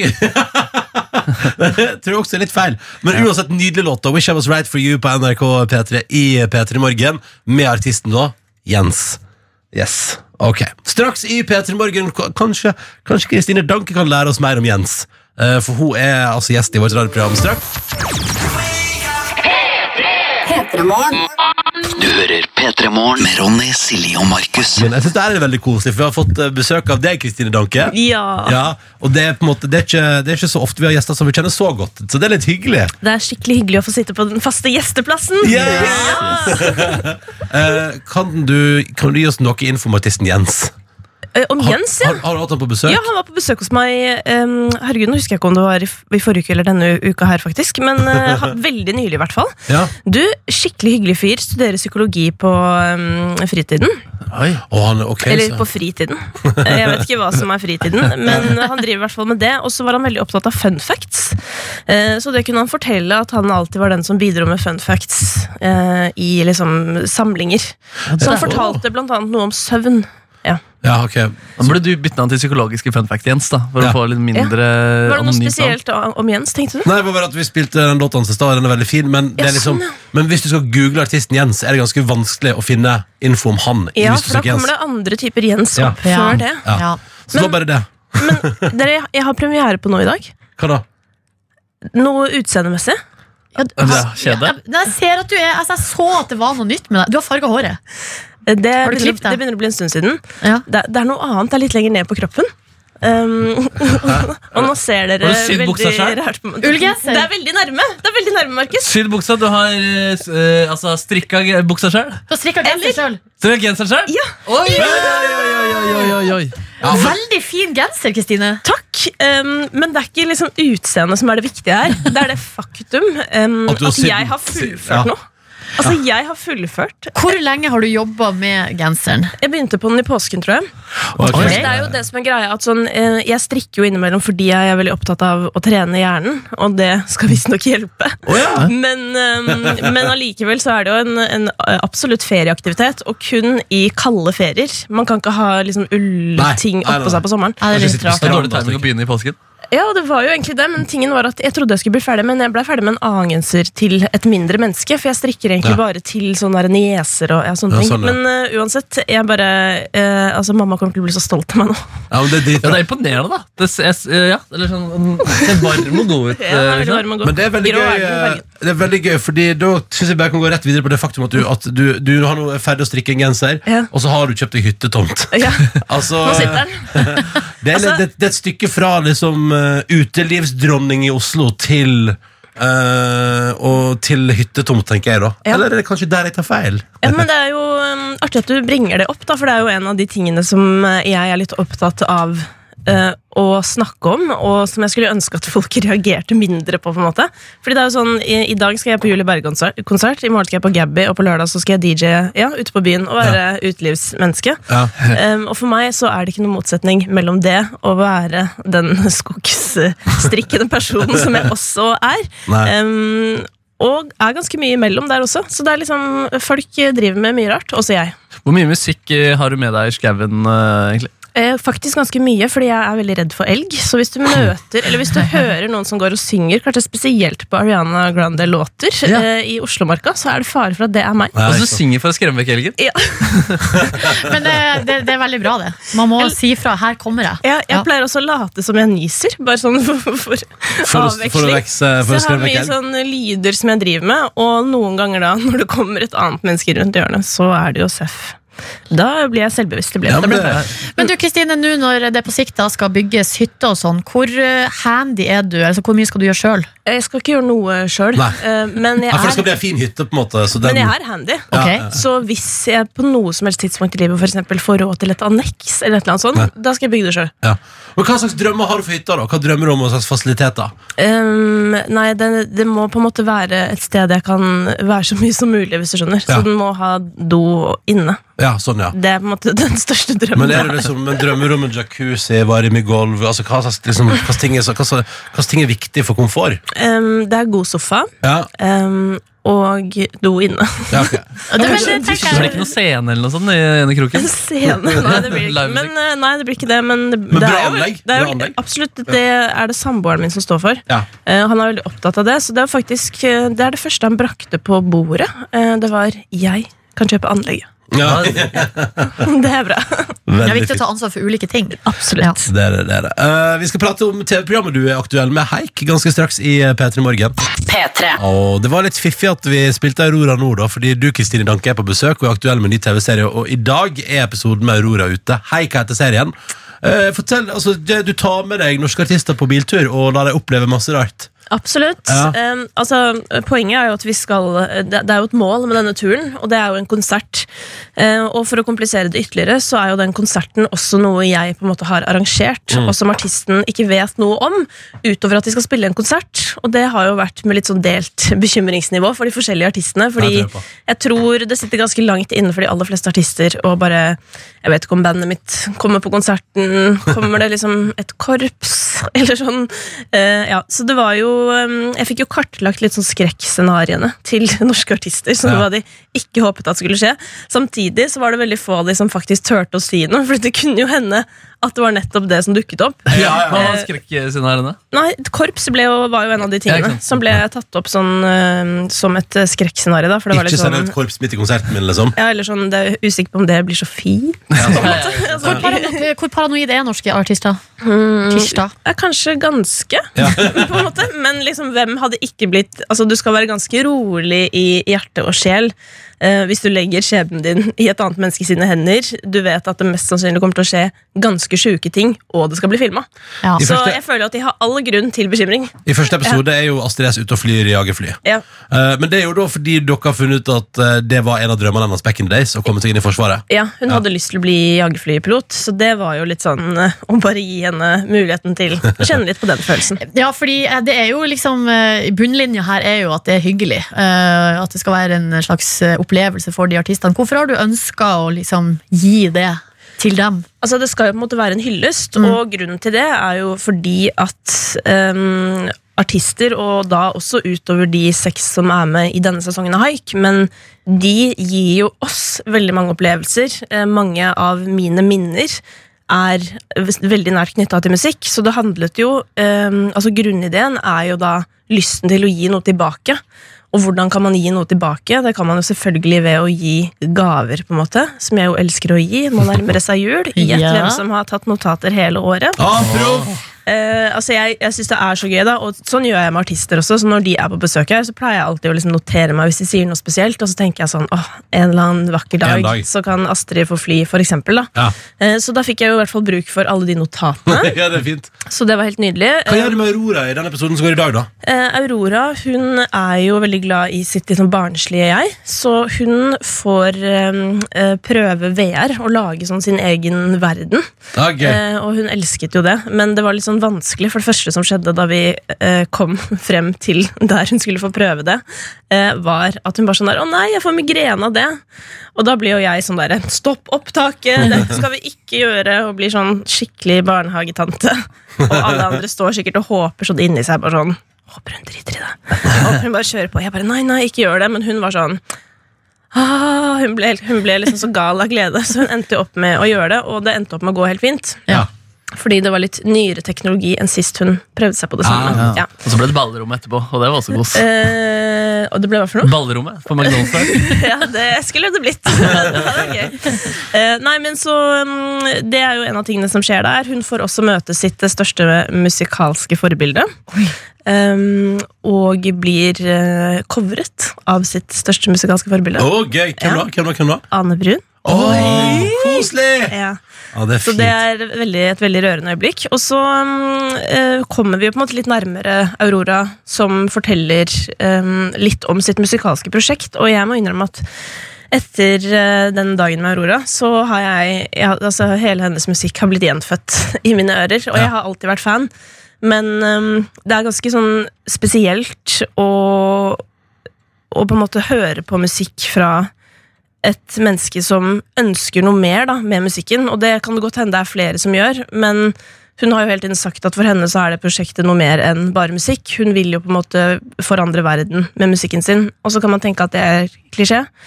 Eh, Men for meg så var det bare sånn Jeg trodde Jeg, jeg tror 100% på henne, og jeg vil være med på det laget. Det er veldig koselig. Det er jo sånn, program er jo det, først, det er et program, og så er det jo også en bit som er liksom hele den konserten som de ender opp med å gjøre. Ja. Uh, og det er litt fiffig, for det, det går vel på lørdager på, på vanlig TV, Mm. men i dag er det episode to med Aurora ute, og da den konsertbiten også. Mm. Så det kan jo anbefales. Jeg gleder meg til å ta det etter jobb i dag. Det blir koselig. Ja, så jeg så den episoden med Astrid S første, uh, og så jeg gråt etter ti minutter. Ja. Uh, sånn at uh, det var bare å Altså Jeg bare liksom satt og venta på når det skulle skje. Så Ja. når det skjedde, så måtte jeg sjekke hvor lang tid det hadde gått. Ti minutter var det det gikk. Så det er bra. Hender det. Uh, du finner det i NRK TV-spilleren Heik heter det. Kristine, vi tenkte, når du først er hos oss, Mhm. så tenkte vi at nå skal vi leke en av lekene som du leker. Hvor godt kjenner du deg sjøl på internett? Så, ja, så det, det pleier du å gjøre med artister. Nå skal Ja. vi gjøre det med deg, og vi gjør det straks. Ja, men tenk, Når du er på besøk, eh, Kristine, så tenkte vi at nå kan vi bare snu på det. Skal vi eh, bruke et av dine segment mot deg? på en måte Eller ikke mot deg, men det du alltid gjør med artister, kan vi gjøre med deg. Ja. Jeg skal få smake min egen medisin. Ja. Skal rett og slett, fordi vi spør altså Kristine Danke, hvor godt kjenner du deg sjøl på internett? Ba, ba, ba, Eh, og da eh, går jeg rett og slett rett på eh, første spørsmål. Eh, ditt første innlegg på Instagram ble publisert 14.3.2012. Og det er et bilde av en muffins og et rekesmørbrød. Hva er teksten du har skrevet på bildet? Vi begynner med litt vanskelige spørsmål. Ja, Det var vanskelig, for det husker jeg ikke. Jeg synes generelt det er litt vanskelig å skrive tekst i bildet. Ja. Um, men uh, en muffins og et rekesmørbrød høres ut som jeg er i Trondheim, i hvert fall. Ja. Eh, på et av mine mine tidligere favorittsteder. Det var nemlig et sted som het Fairytale Cupcake. Ja, rip, rip, rip. Som, ja, som var helt nydelig. Og, bra cupcakes? Ja, det, altså, det var bra så bra cupcakes. Markus. Altså, det var helt utrolig, faktisk. Det er jo egentlig en litt sånn tørr bakst. Men uh, hva jeg skrev uh, De beste cupcakes, hjerte, hjerte, hjerte. Ja, du er liksom inne på det, for du har skrevet 'Trondi har den beste frokosten'. Nå skal jeg snart prøve den beste tapasten i Barcelona. Hjerte. Oi, oi, oi, snikskryt! Jeg skal til utlandet, dere. Ok, så, så jeg tror ikke du får noe poeng der, Nei, men du var nei. liksom inne på det. Um, vi Kjenner går meg sjøl sånn halvveis. Ja. Honningbarna har covra sangen din 'Jenteinvasjon'. Eh, og vi kan jo høre et lite klipp av den. I vår nasjon appellerer. Jeg har kommet fram for å bedre. nivå går på norsk etter rap. Vi skal opp etter part.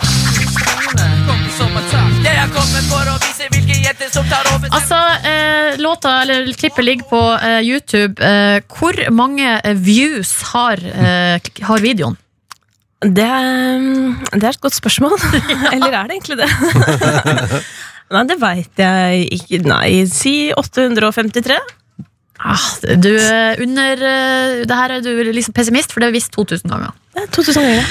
Du, eh, Hva var anledningen for den coveren, forresten? Nei, var det, var Ibis, bare at de- Ja, det var bare at de skulle gjøre en cover, og så hadde de sagt at de skulle covre noe annet, og så på en måte eh, Ja, lot de meg smake min egen medisin også, på en måte. Um, men, uh, Rampete punkere. men det som, ja, og det som på en måte var litt rart, var at jeg merka at de syntes det på en måte At de ble litt sånn usikre da de skulle gjøre det. Eh, som jo selvfølgelig gjorde at jeg ble sånn Er dette helhjertet? Eller bare sånn, hva er dette her? Og så ble jeg redd for at jeg skulle få kjeft av noen sjefer eller et eller annet fordi Ja. at på en måte jeg gjorde noe feil på jobben. Ja. Og ikke ja, hadde så liksom klart du stoppe. Du får honningbarna til å spille din musikk. Ja, ja, sånn der, så jeg ble egentlig bare sånn Så det, det ble super awkward. det, var skikkelig, det var skikkelig rart. Hva sa, hva sa dere til hverandre etterpå? Jeg husker at de kanskje var litt redde for at jeg ble fornærmet, eller noe men nettopp det bare, da eide de det jo ikke 100% heller, så det ble bare veldig rart. ja, ja, det ligger nå på YouTube, i hvert Ja, fall. så det, Så får vi hvis, folk har lyst til å se hvor rart det er, sjekk det ut. Eh, 27. februar 2019 ble det publisert en artikkel om deg på godt.no i spalten Det beste jeg vet. Der fortalte du om din eh, favorittrett, som er pasta, men du fortalte også at du helst, eh, hva du helst ikke vil bli servert. Hvilken matrett var det? Å, shit. Det burde jeg jo vite. Ja. Um, men eh, jeg har jo tre flaue ting i matens verden jeg ikke liker. Uh, altså Det er flaut fordi jeg er så opptatt av mat, og da er det skikkelig flaut at man ikke liker sennep, um, rødvin uh, og jernteppe. um, uh, og ost, altså oster, sånn kreative oster. Nei, shit. Ja, det er en veldig populær rett i Norge som Ja, du har ja, sagt ja, at du ja, ikke liker. Det er norsk taco! Ja! Jeg måtte hjelpe deg litt, men du får poeng. For der er du helt unik. Så når vi har sånne spalter her, sånn favoritt, hva liker du best Ja. innenfor mat, da svarer nesten alle taco. Men jeg spiser taco hver uke. Eh, men det er bare at jeg spiser med søtpotet og chorizo i stedet Ja, for. ok, en litt annen variant der. Det høres digg ut. Du, Hvilken video er det som først kommer opp når man søker på deg på YouTube? Mm, nei, Er det en eller annen sånn Hvor godt kjenner du deg selv på internett? Nei, det er den her. Ja, jeg føler meg som Johaug. Yes! Nummer én. Kall det gjerne et attitude-problem. Vi ler av dem og alle tinga de forventer. Ja! Men når man googler navnet ditt, Kristine, så kommer det opp masse forslag om hva det neste ordet kan være. Hva tror du det er på deg? Um, er det en av de faste? Altså De faste det er jo sånn alder og kjæreste. Nei, det er ikke det. Um, nei, det er ikke det. Um, mm. Hva er det da, hvis ikke det er det? Det er ganske, det er ganske obvious. Når vi sitter her vi sitter. Hva da, radio? Ah.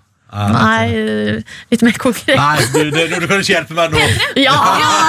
Det er P3, men den får du ikke. Nei. Så det neste er uh, rapp, og uh, nummer tre er julekonsert.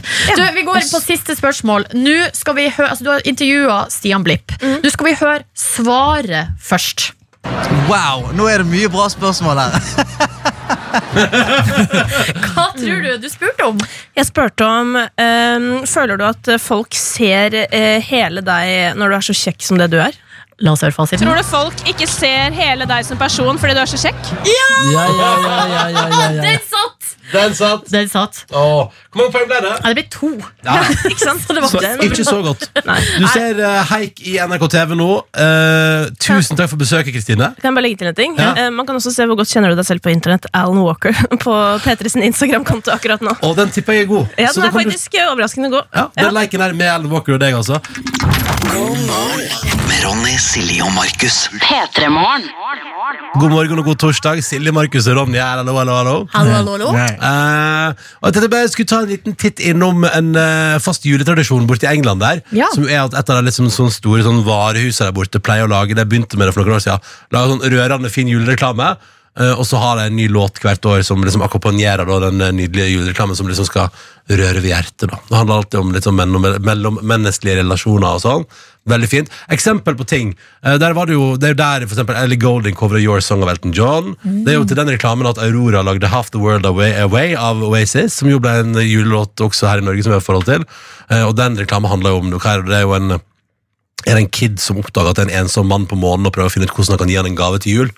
Og så videre. Ja. Og masse, altså, masse sånn fin reklame og sånn. Eh, og nå har årets kommet, og det er liksom, det, det borte i England der er det liksom en svær greie, fordi liksom, målet er jo alltid at man skal lage noe som er veldig sånn rørende. Eh, og årets tematikk, det Det er er gøy. ofte med dyr. Jeg føler det ofte er med dyr. Ja, og i år er det med en søt liten animert drage. Ja, takk! uh, og det er en liten jente og en liten drage i en litt sånn Game of Thrones-aktig by som er venner.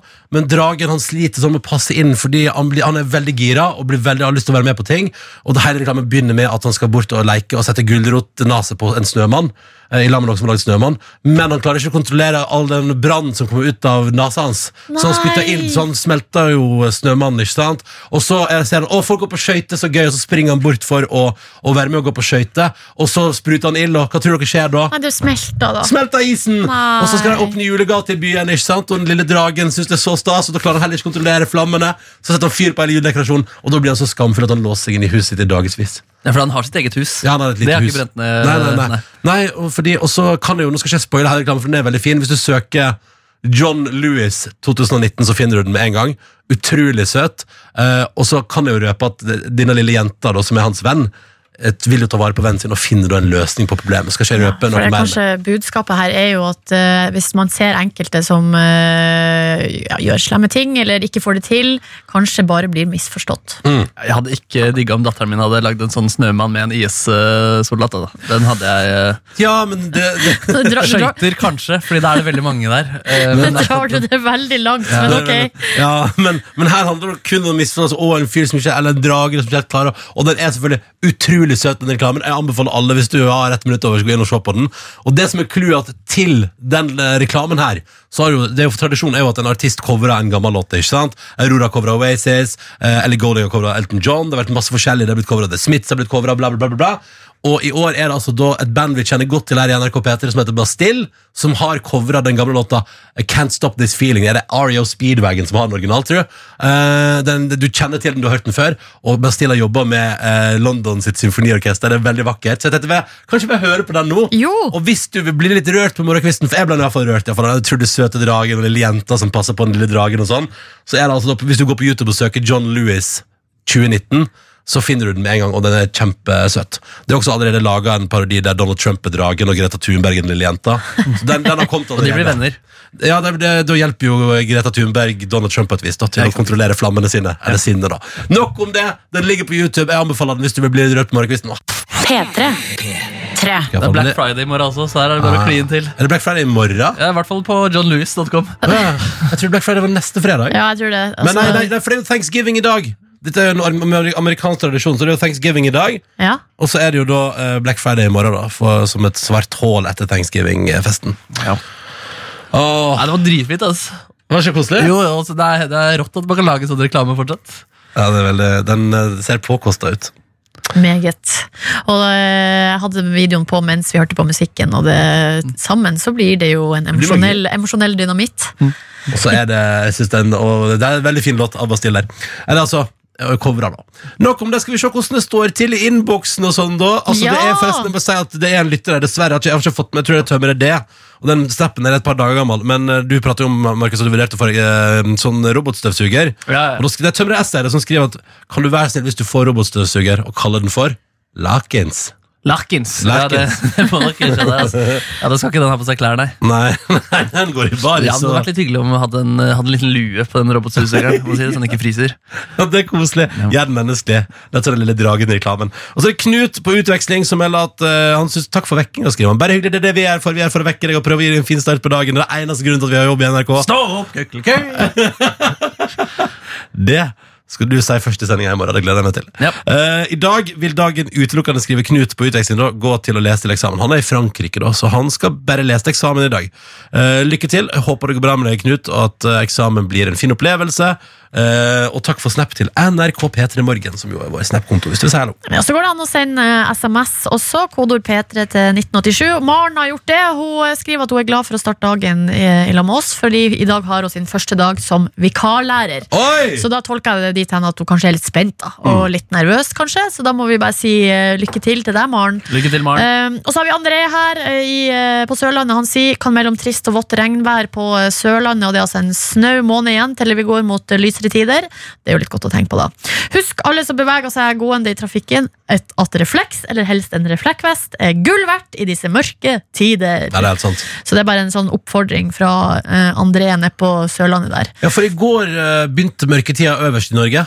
Så det så, for jeg så på Dagsrevyen, var Kristian Gislefoss innom og sa at uh, i går var det, hva var det, i dag begynner mørketida i Båtsfjord, og så beveger vi oss sakte, men sikkert nedover. Ja, ja, nå skal det bli mørkt, folkens. Ja, det blir det. Eh, Så har vi fått melding fra student-Sara. Det var apropos eh, kaffekvern, Ronny. Altså, her kommer det et kaffetips. Og Ja. Da kan jo alle vi andre også eh, nyte godt av det. Om du skal ha kaffekvern, Ronny, gå for ei som er keramisk. De med knivblad, bare kutt opp kaffen i stedet for å knuse den, samtidig som smaken og riktig fuktighet, om du er nerd, blir bevart. Um, så da altså eh, keramisk kaffekvern Ja. tipsa hun om. Ja, riktig. Jeg forstår ikke forskjellen. Altså Enten så knuser du kaffebønnene, eller så kuttes de opp med kniv. Ja, og du skal knuse deg, det det du Hun vil. mener at du burde knuse dem, det er det beste. Ja vel, ja vel. Ja, for da bevarer du liksom eh, smaken og fuktigheten. Ja, da Og det vil du jo. Det vil jeg. Fuktighet er viktig, smak er viktig. Kaffekvern skal bli i mitt liv. Jeg har lyst på det. Jeg har, lyst på det. Jeg har, jeg har skikkelig lyst på det. LP-spiller og kaffekvern. Ja. Ja, ja. Du er Røttene dine til Vestlandet de, de forsvinner. De. Det er bra det får ditt navn der borte nå over jul. Og nå får vi meldinger om at thanksgiving er neste torsdag. Ja, men Nå er det Black Friday neste torsdag da. Ja, ja, ja. Originalt. Men nå er det jo i Norge er det Black Week og Black Month. Og Det virker som at det er altså rett og slett en svart høst. Her Ja. er det bare å handle så, det, så krampa tar det. Én En ting om det for jeg, jeg, jeg vil si, det, det er litt interessant at over, Nå melder Ole Marius i P3 Nyheter at over halvparten av pengene vi bruker i Norge på Black Friday, er penger vi ikke har, altså kredittkort. og det syns jeg høres alarmerende ut. Ja, da tenker jeg at vi alle sammen kan ta en liten pust i bakken Ja. før vi går ut og, og lar det stå til. Mm. Og, eh, så, og, og litt sånn at det er jo litt sånn at man prøver å få- ting til å se veldig billig ut. Eh, men så er det ikke nødvendigvis alltid at det er det. Og hvis du har kjøpt noe du egentlig ikke trenger for 3000 kroner istedenfor 5000 kroner, så har du brukt 3000 kroner på noe du egentlig ikke ville ha. Ja, Da har du tapt. Da har du du har Uansett.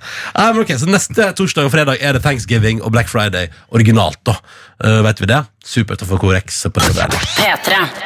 P3. God morgen til deg som hører på.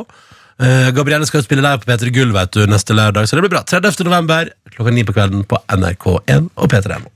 Og så har hun konsert i kveld, da. Mm. På Sentrum Scene, og de skal! Heft. Gleder du deg? Ja, jeg gleder meg helt vilt. Hun har fått veldig gode anmeldelser Ja, det er for eh, akkurat det. konsertene sine i Bergen. og sånn Ja, mm. Så jeg forbereder meg på å bli eh, swept off my feet. Ja, gleder deg. Du får melde tilbake i morgen hvordan det var. da Det skal jeg absolutt gjøre. gjøre. ja, det blir spennende. uh, dette er Petter Morgen. Vi blir nå her en liten time til. Vi tenkte Hvis det er greit for dere? Ja. Super, Da blir vi her til ti. Uh, og skal finne på litt tant og fjas. Skal vi få besøk av Trude Drevland? Du er jo rett ut, Trude Drevland er rett utenfor studio. Vi gikk inn i studio her nå. Så. Hvorfor er Trude Drevland utenfor studio? Jeg vet ikke, det, altså, Vi er jo i NRK, så alt kan jo skje. Folk går forbi. Skal vi så prøve noe sånt? og- Nei, jeg trodde det ikke noe Det er jeg planlagt, fikk, nei. men leoparden, leoparden har han kommet. Jøss. Kanskje vi skal få Ja, besøk nå har hun gått, nå virker det som hun Ja, har jeg tror gått. det da. Hun virker var som hun, var- hun var med noen, en, en sjef. Det var ikke en drøm. Du så det samme som meg, Jeg så det samme, det var ikke en drøm. Men man kan begynne å lure. Ja, det var litt spesielt. Hva jeg tror du Drevland utenfor studio liksom klokka ni Shit, om det morgenen? er litt slitsomt å ha en sånn jobb, og Trude Drevland plutselig står rett utenfor Nei, eh, det er kontoret. helt konge! Det er helt konge. Mange inntrykk. Men det, er så, men det er veldig rart. Ja, ja, nei, men da Selvfølgelig, det er vanlig torsdag. Hvorfor, går ikke, hvorfor skal ikke Trude Drevland gå forbi studio? ja, det er jævlig bra. Eh, god morgen til deg. Jeg tenker at vi kanskje skal bare gå rett i nyheter. Vent. Ole Marius, er du klar? Det tar jeg som et nei. Så vi har vært veldig Ja. Mm. Jeg tar det som et nei. Ole Marius er ikke klar. Da tar vi en låt først. Da spiller vi litt musikk! Hva vil dere høre, da? Hva dere- Musikk? Hva vil dere- eh, kunne det vært interessant med Sam Smith, for eksempel? Absolutt. Ja, men, det. ja, men det. P3morgen. God morgen med Ronny, Silje og Markus. God morgen, og nå har jeg rotet meg ekstremt langt inn eh, på internett.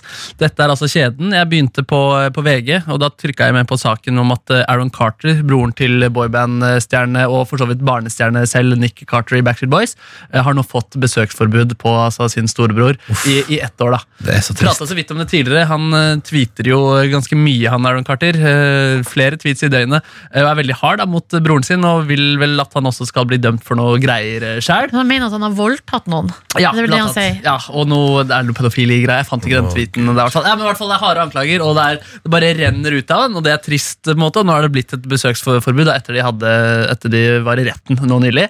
Eh, og så gikk jeg da inn på en eh, artikkel som Aaron Carter delte sjæl om seg selv og hans mentale helse, hvor, han, hvor det står at han har ikke rusproblemer, han har spiseproblemer.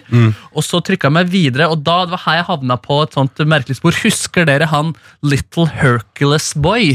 Nei! Det var en sånn Nei. liten, utrolig brun, eh, solbrun gutt med langt, brunt, krøllete hår. Og så hadde han den villeste kroppen. Han var rundt seks år, og så hadde han ekstremt markerte magemuskler. Sånn, du ser det nesten ikke hos voksne folk som er toppatleter heller. Og armene hans, bicepsene, var så vanvittige. da Og han så, jeg, og jeg bare sånn Å, shit, han der husker jeg. Han der eh, Han var, eller sånn, han var litt sånn fascinerende kid. Ja. Eh, og så havna jeg da inn igjen nå på en YouTube-video som forklarer hvordan det går med Little Hercules Boy nå eh, 13 år etter. da Eh, Han hang da med Hulk Hogan og sånn. Og var sånn oh, ja. eh, Han var kanskje sånn kjendis-bodybuilder-kid. da Ja. Eh, Hvordan går det med han, Little Kjendis-bodybuilder-kid, bodybuilder kid, det må ingen bli. Det er- er livsfarlig. Ja, det er, fordi det er, det er en video da, som What Happened to Little Hercules. Han heter, som har laget en video, heter Nick's Strength and Power. Ja. Han prater mye om eh, fysikk og sånn, og han sier det er ikke farlig eh, for kids å, liksom, eh, å trene og bygge kropp i en alder av under ti år. Men det gikk kanskje litt ekstremt her allikevel. Men det som eh, Little Hercules driver med i dag, da 13 år etter han var stjernen der, så har han lagt bodybuildingen fra seg. Det er noen, noen ganske sånn avslappende bilder av han får på stranden, hvor han har manbun. Um, han har på en joggebukse-shorts, og så går han i baris. Og så, Han er ikke tjukk, liksom, men i forhold til de harde musklene han hadde før, så er det en helt annen kropp. da. Det er en klassisk liksom uh, Vanlig kropp. Ja, Mann i 25 uh, har trent litt-aktig kropp. Ja. Og det Little Hercules driver med i dag, han eh, er stuntmann for Universals studioer. Nei! Eh, og hvis man ser en person som brenner på en Hollywood-film, så er det sannsynligvis Little Hercules. Nei, du man Nei, nei, nei. Så han har blitt uh, stuntman med spesial, spesialområde. Uh, blir brent og fly hopper rundt. Men det er veldig, det er veldig gøy. Det, kan det være et uh, symptom på at når du begynner med bodybuilding tidlig, så blir du veldig fort også lei av bodybuilding og trenger noe mer ekstremt? Så han begynte kanskje Når han begynte med, med sixpacken sin og, og bicepsene i alder av seks, Ja. Jeg hadde 13 tenkte sånn Ja, jeg, må, jeg, må sette, jeg må sette fyr på meg sjøl. Ja, det, det er kommentarer i hvert fall så sier at det var faren hans som var gira på at han skulle bli bodybuilder. Da, sånn her, eh, og at han Little Hercules eh, selv har uttalt at han egentlig er mer interessert i vitenskap. Ja. Ja, det var litt rart at han endte opp som stuntmann, da. Absolutt, Ja, det men det lå jo sikkert uh, naturlig foran. Det ligger mye vitenskap dere bak å sette fyr på seg sjøl uten å bli Ja, skada. Ja, men da vet vi det, at det går skikkelig dårlig med Aaron Carter, men at uh, Little Hercules uh, Boy ser ut til å ha funnet roen. Altså. Han har funnet roen og er stuntmann i California. Ja, ja. Takk for oppdateringa, Markus. Bare hyggelig. Glad for å kunne svare på det spørsmålet. God morgen og god torsdag. Dette er NRK P3, og det er P3 Morgen med Silje, Markus og Ronny. Og vi håper at du har en fin start på dagen din, at det går bra med deg. Det er 21. november. Neste uke er Black Friday. det er snart desember, det er snart julekalendertid. Og vi driver jo, vi har jo spilt de siste vekene en eh, låt av Fay Wiltagen til den eh, nye Netflix-serien Home for Christmas her hos oss. Og den er jo kjempefin. Men Home for Christmas-serien til Netflix den har jo flere låter i seg. Og nå skal vi spille en av de andre låtene, og den er fra Eva Skram, som jo har blitt en slags juleinstitusjon. Ja, Hun lagde Selma sang her for et par, par år siden til den nye altså den adventskalenderen Snøfall. Snøfall. som Som er skal altså. Den skal gå i år. Jeg må bare si det. Hvis du sliter litt med uh, julestemninga, uh, så vil jeg faktisk anbefale å gjøre sånn som du gjorde da du var liten. Se én episode om dagen, og den ligger jo på NRK TV på altså, nett og mobil. Du kan se det når du vil i løpet av dagen. Ja. Men prøv å fordele det utover i adventstida, sånn som man gjorde før. Så skal jeg love deg. Jeg kan gi garanti Ja. på at uh, stemninga kommer til å krype opp på det. Ja. Det blir spennende med den der, eh, fordi det som er at Eva lagde jo den uh, låta som jeg sa. Nå også uh, lagde låt til den Home for Christmas, som jo er vel at Ida Elise Broch eh, eh, skal prøve å finne seg en kjæreste på 24 dager. For hun har lovd at hun skal ta med typen hjem til jul. Ja. Uh, og, så er, og det er veldig gøy, fordi bestevenninna til Ida Elise Broch i serien blir spilt av Gabrielle! Altså Oi. artisten Gabrielle. Jeg er veldig spent. Skuespillerdebut. Jeg er veldig spent på hele det opplegget der. Og nå skal vi da høre låta til Det Eva. er ingen som har lagd musikk til Frode Berg sin Home for Christmas-retur. Ja, Nei, hvem der skal kan man jeg- bruke klassikerne. Ja. Altså Chris Ria, Ja, eh, Maria Driving Mena. Det er mange gode der. Når han setter seg i bilen oppover Kirkenes der, Ja, ja. da skal han være på Chris Det det er eneste han tenker på, det er marsipan- marsipangris. Åh, marsipan. Jeg spiste årets første marsipangris i går. Du gjorde det, ja. Det var Men hva fantastisk. var det som tippa deg over? At jeg sto i kassa på butikken og skulle kjøpe Pepsi Max, bare, og så så jeg marsipangrisen og tenkte du er min. Det er så rått, ass. altså, Du elsker ekte griser, og så når du ser en gris, uansett hva slags form det er, så må du ha den grisen også. I see it, I want it, Du burde I kunne take spist it. eh, fisk og makrell i tomat jeg, hvis du var forma som en gris. det tror jeg faktisk. Herregud, kan vi teste? Nei! Jo, det vil Nei! Jo, Nei! det må Lage vi en gjøre! eh, pepperkake av makrell i tomat. og så Nei, men han er, den for den. ja, ja, ja, ja. Nei, nei, nei, nei, nei. Stopp hele opplegget. Det, makrell i tomat, det er så jævlig, det. Det er vi kan, Ja, men ikke hvis det er en liten gris. nå, skulle vi ha sånn, nå skulle vi ha sånn hyggelig julestemning ja, sånn var det, ja. Ja, for her kommer det å falle til ro er vel skram fra da den nye Netflix-serien som jeg er spent på, som heter Home for Christmas, og som kommer da i starten av desember. Det gleder jeg gleder meg veldig til. P3morgen. Med Ronny, Silje og Markus.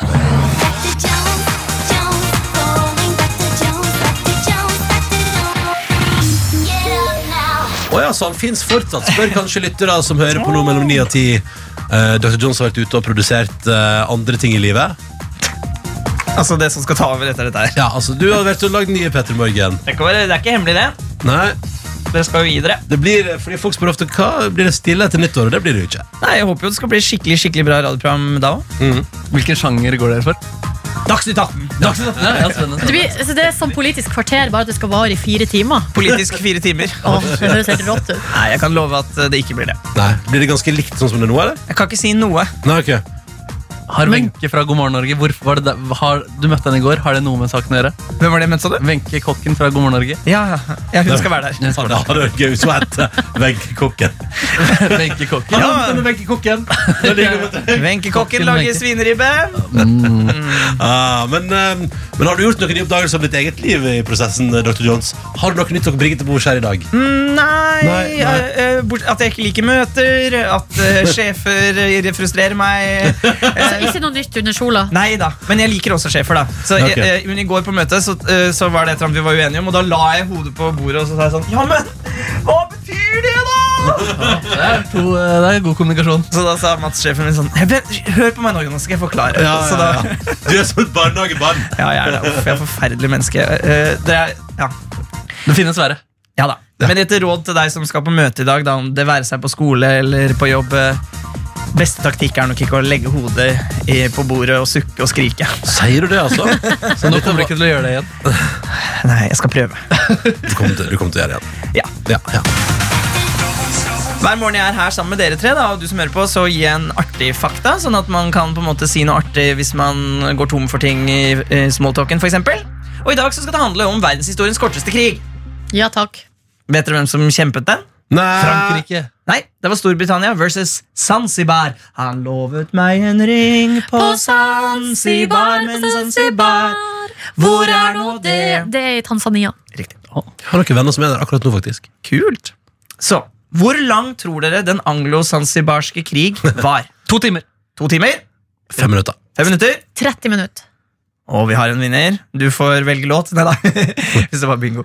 Eh, Den varte i 38 minutter! Og det var, Storbritannia var sur på en eller annen sånn eh, eh, sultan, sultan som skulle bytte. eh, For de ville ha en spesiell en, og så ville ikke de den. Og så, og så, og så kriga de i 38 minutter, og 500 av sultanens soldater døde. Kun én britisk sjømann. Yes. Og det klarte de på 38 minutter. Ja, det er ganske drøyt. 500 på 38 minutter. Det er veldig mange per minutt. Mange per minutt, riktig. Ja. Så det var jo ikke noe bra, da. Eh, har du uh, spørsmål om uh, nye P3 Morgen eller andre ting i livet, kan du sende det på SMS til Dr. Jones. Hva er nummeret, Markus? 992 449 4-1. Du kan også søke Jonas Tomter på gule sider. Da velger du den Jonas Tomter som har adresse Bahama. Dr. Jones. Enkelt og greit. Jeg lurer på om jeg skal få meg et nytt nummer. etter Nei, hvert. Nei, nei, nei, nei. Hvor mange abonnenter har du på nyhetsbrevet ditt nå? Jeg tror det nærmer seg 500. Ja. Ja, Man kan ikke melde seg av, så det må Nei, nei. du være bevisst du som sender melding Hvor til lenge 92 siden vi har fått nyhetsbrev nå? Vet du hva, Jeg tenkte faktisk jeg skulle sende et nyhetsbrev i dag. Ja, så det kommer en nyhetsbrev i dag, og du melder deg altså på på telefonnummer 992 449 41. Du kan bare skrive hei, så er du på Ditt, Ja, ja, så skriver at du vil melde deg på Eh, Og det er for life, altså. Du melder Mm. deg på, så Det kommer til å være så lenge jeg lever, kommer det til sporadisk komme nyhetsbrev på SMS. Ja, og så er prisen du betaler Jonas. For eksempel, Hvis du oppdager for eksempel, at podkasten ikke er ute, og sånn, og du oppdager det klokka tre på natta, det er bare å ringe i vei. Din balle. Hvor lenge tror du at du lever? Og lenge, forhåpentligvis. Jeg har lyst til å bli 100. Ja, ikke sant? Så det er langt nyhetsbrev. Nå det kommer til dag.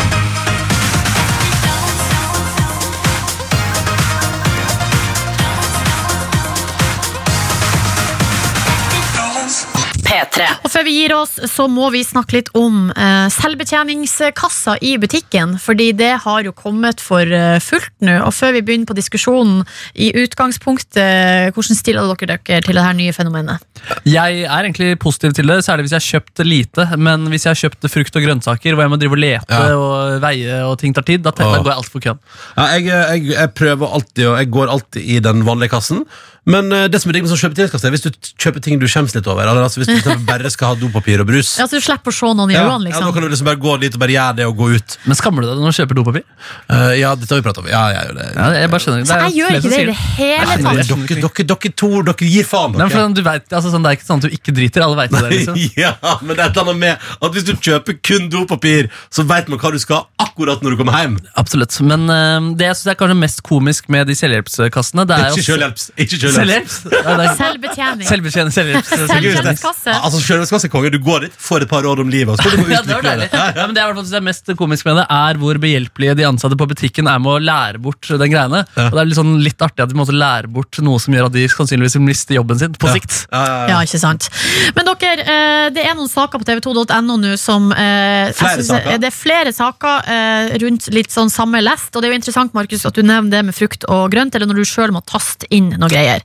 Første saken som kom eh, i denne forbindelse, er ei jente som heter Otilie på 17 år i eh, eh, Tønsberg, som skulle kjøpe banan på Meny. Eh, og når hun da går inn og taster sånn frukt, og så velger hun banan, så får hun da tre forskjellige eh, bananer.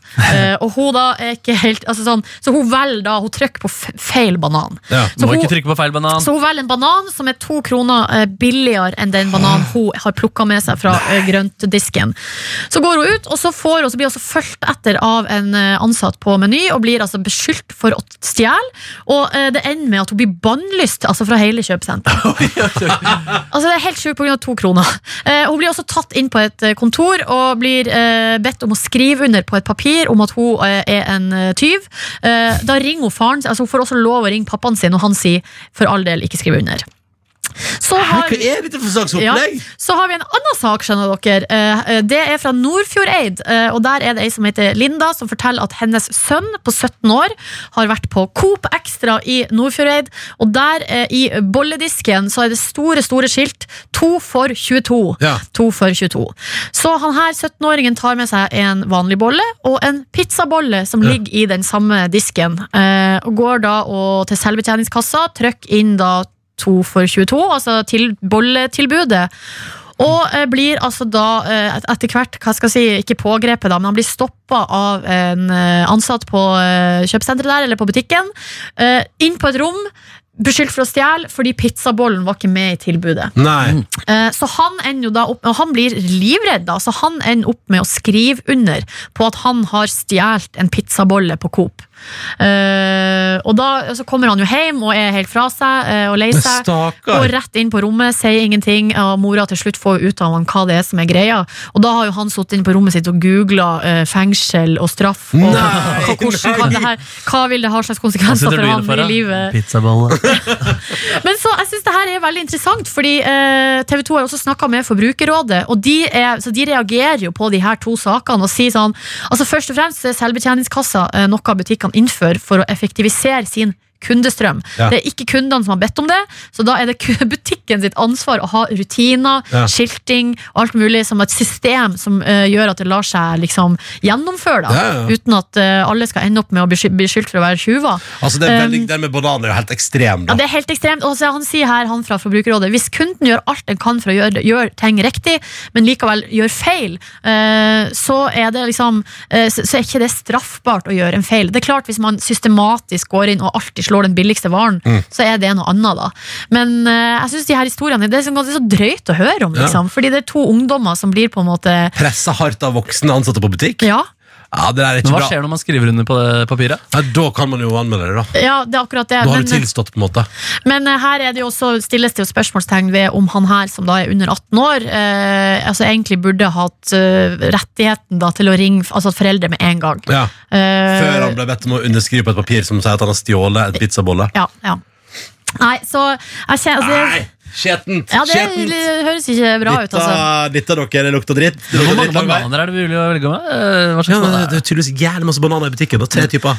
Men, begge de her butikkene har jo da også sagt liksom at ja, det var kanskje litt i overkant ja. strengt, det Det her. var kanskje dumt at vi tok med folk under 18 år inn på et bakrom og prøvde å presse dem til å tilstå stjeling. Eh, og kanskje litt dumt å ha masse masse skilt med to for, eh, to for 20, og så er det én boll. Altså, da må man En bolle i hylla som kanskje ikke teller. fjerne den pizzabollen og Ja. sette den en annen plass. Og så kanskje litt, eh, litt dumt at eller tenk sånn, Det som også er litt sånn fiffigere, er jo at nå henger de seg opp i når eh, de som handler i sånn autokasse, gjør en feil.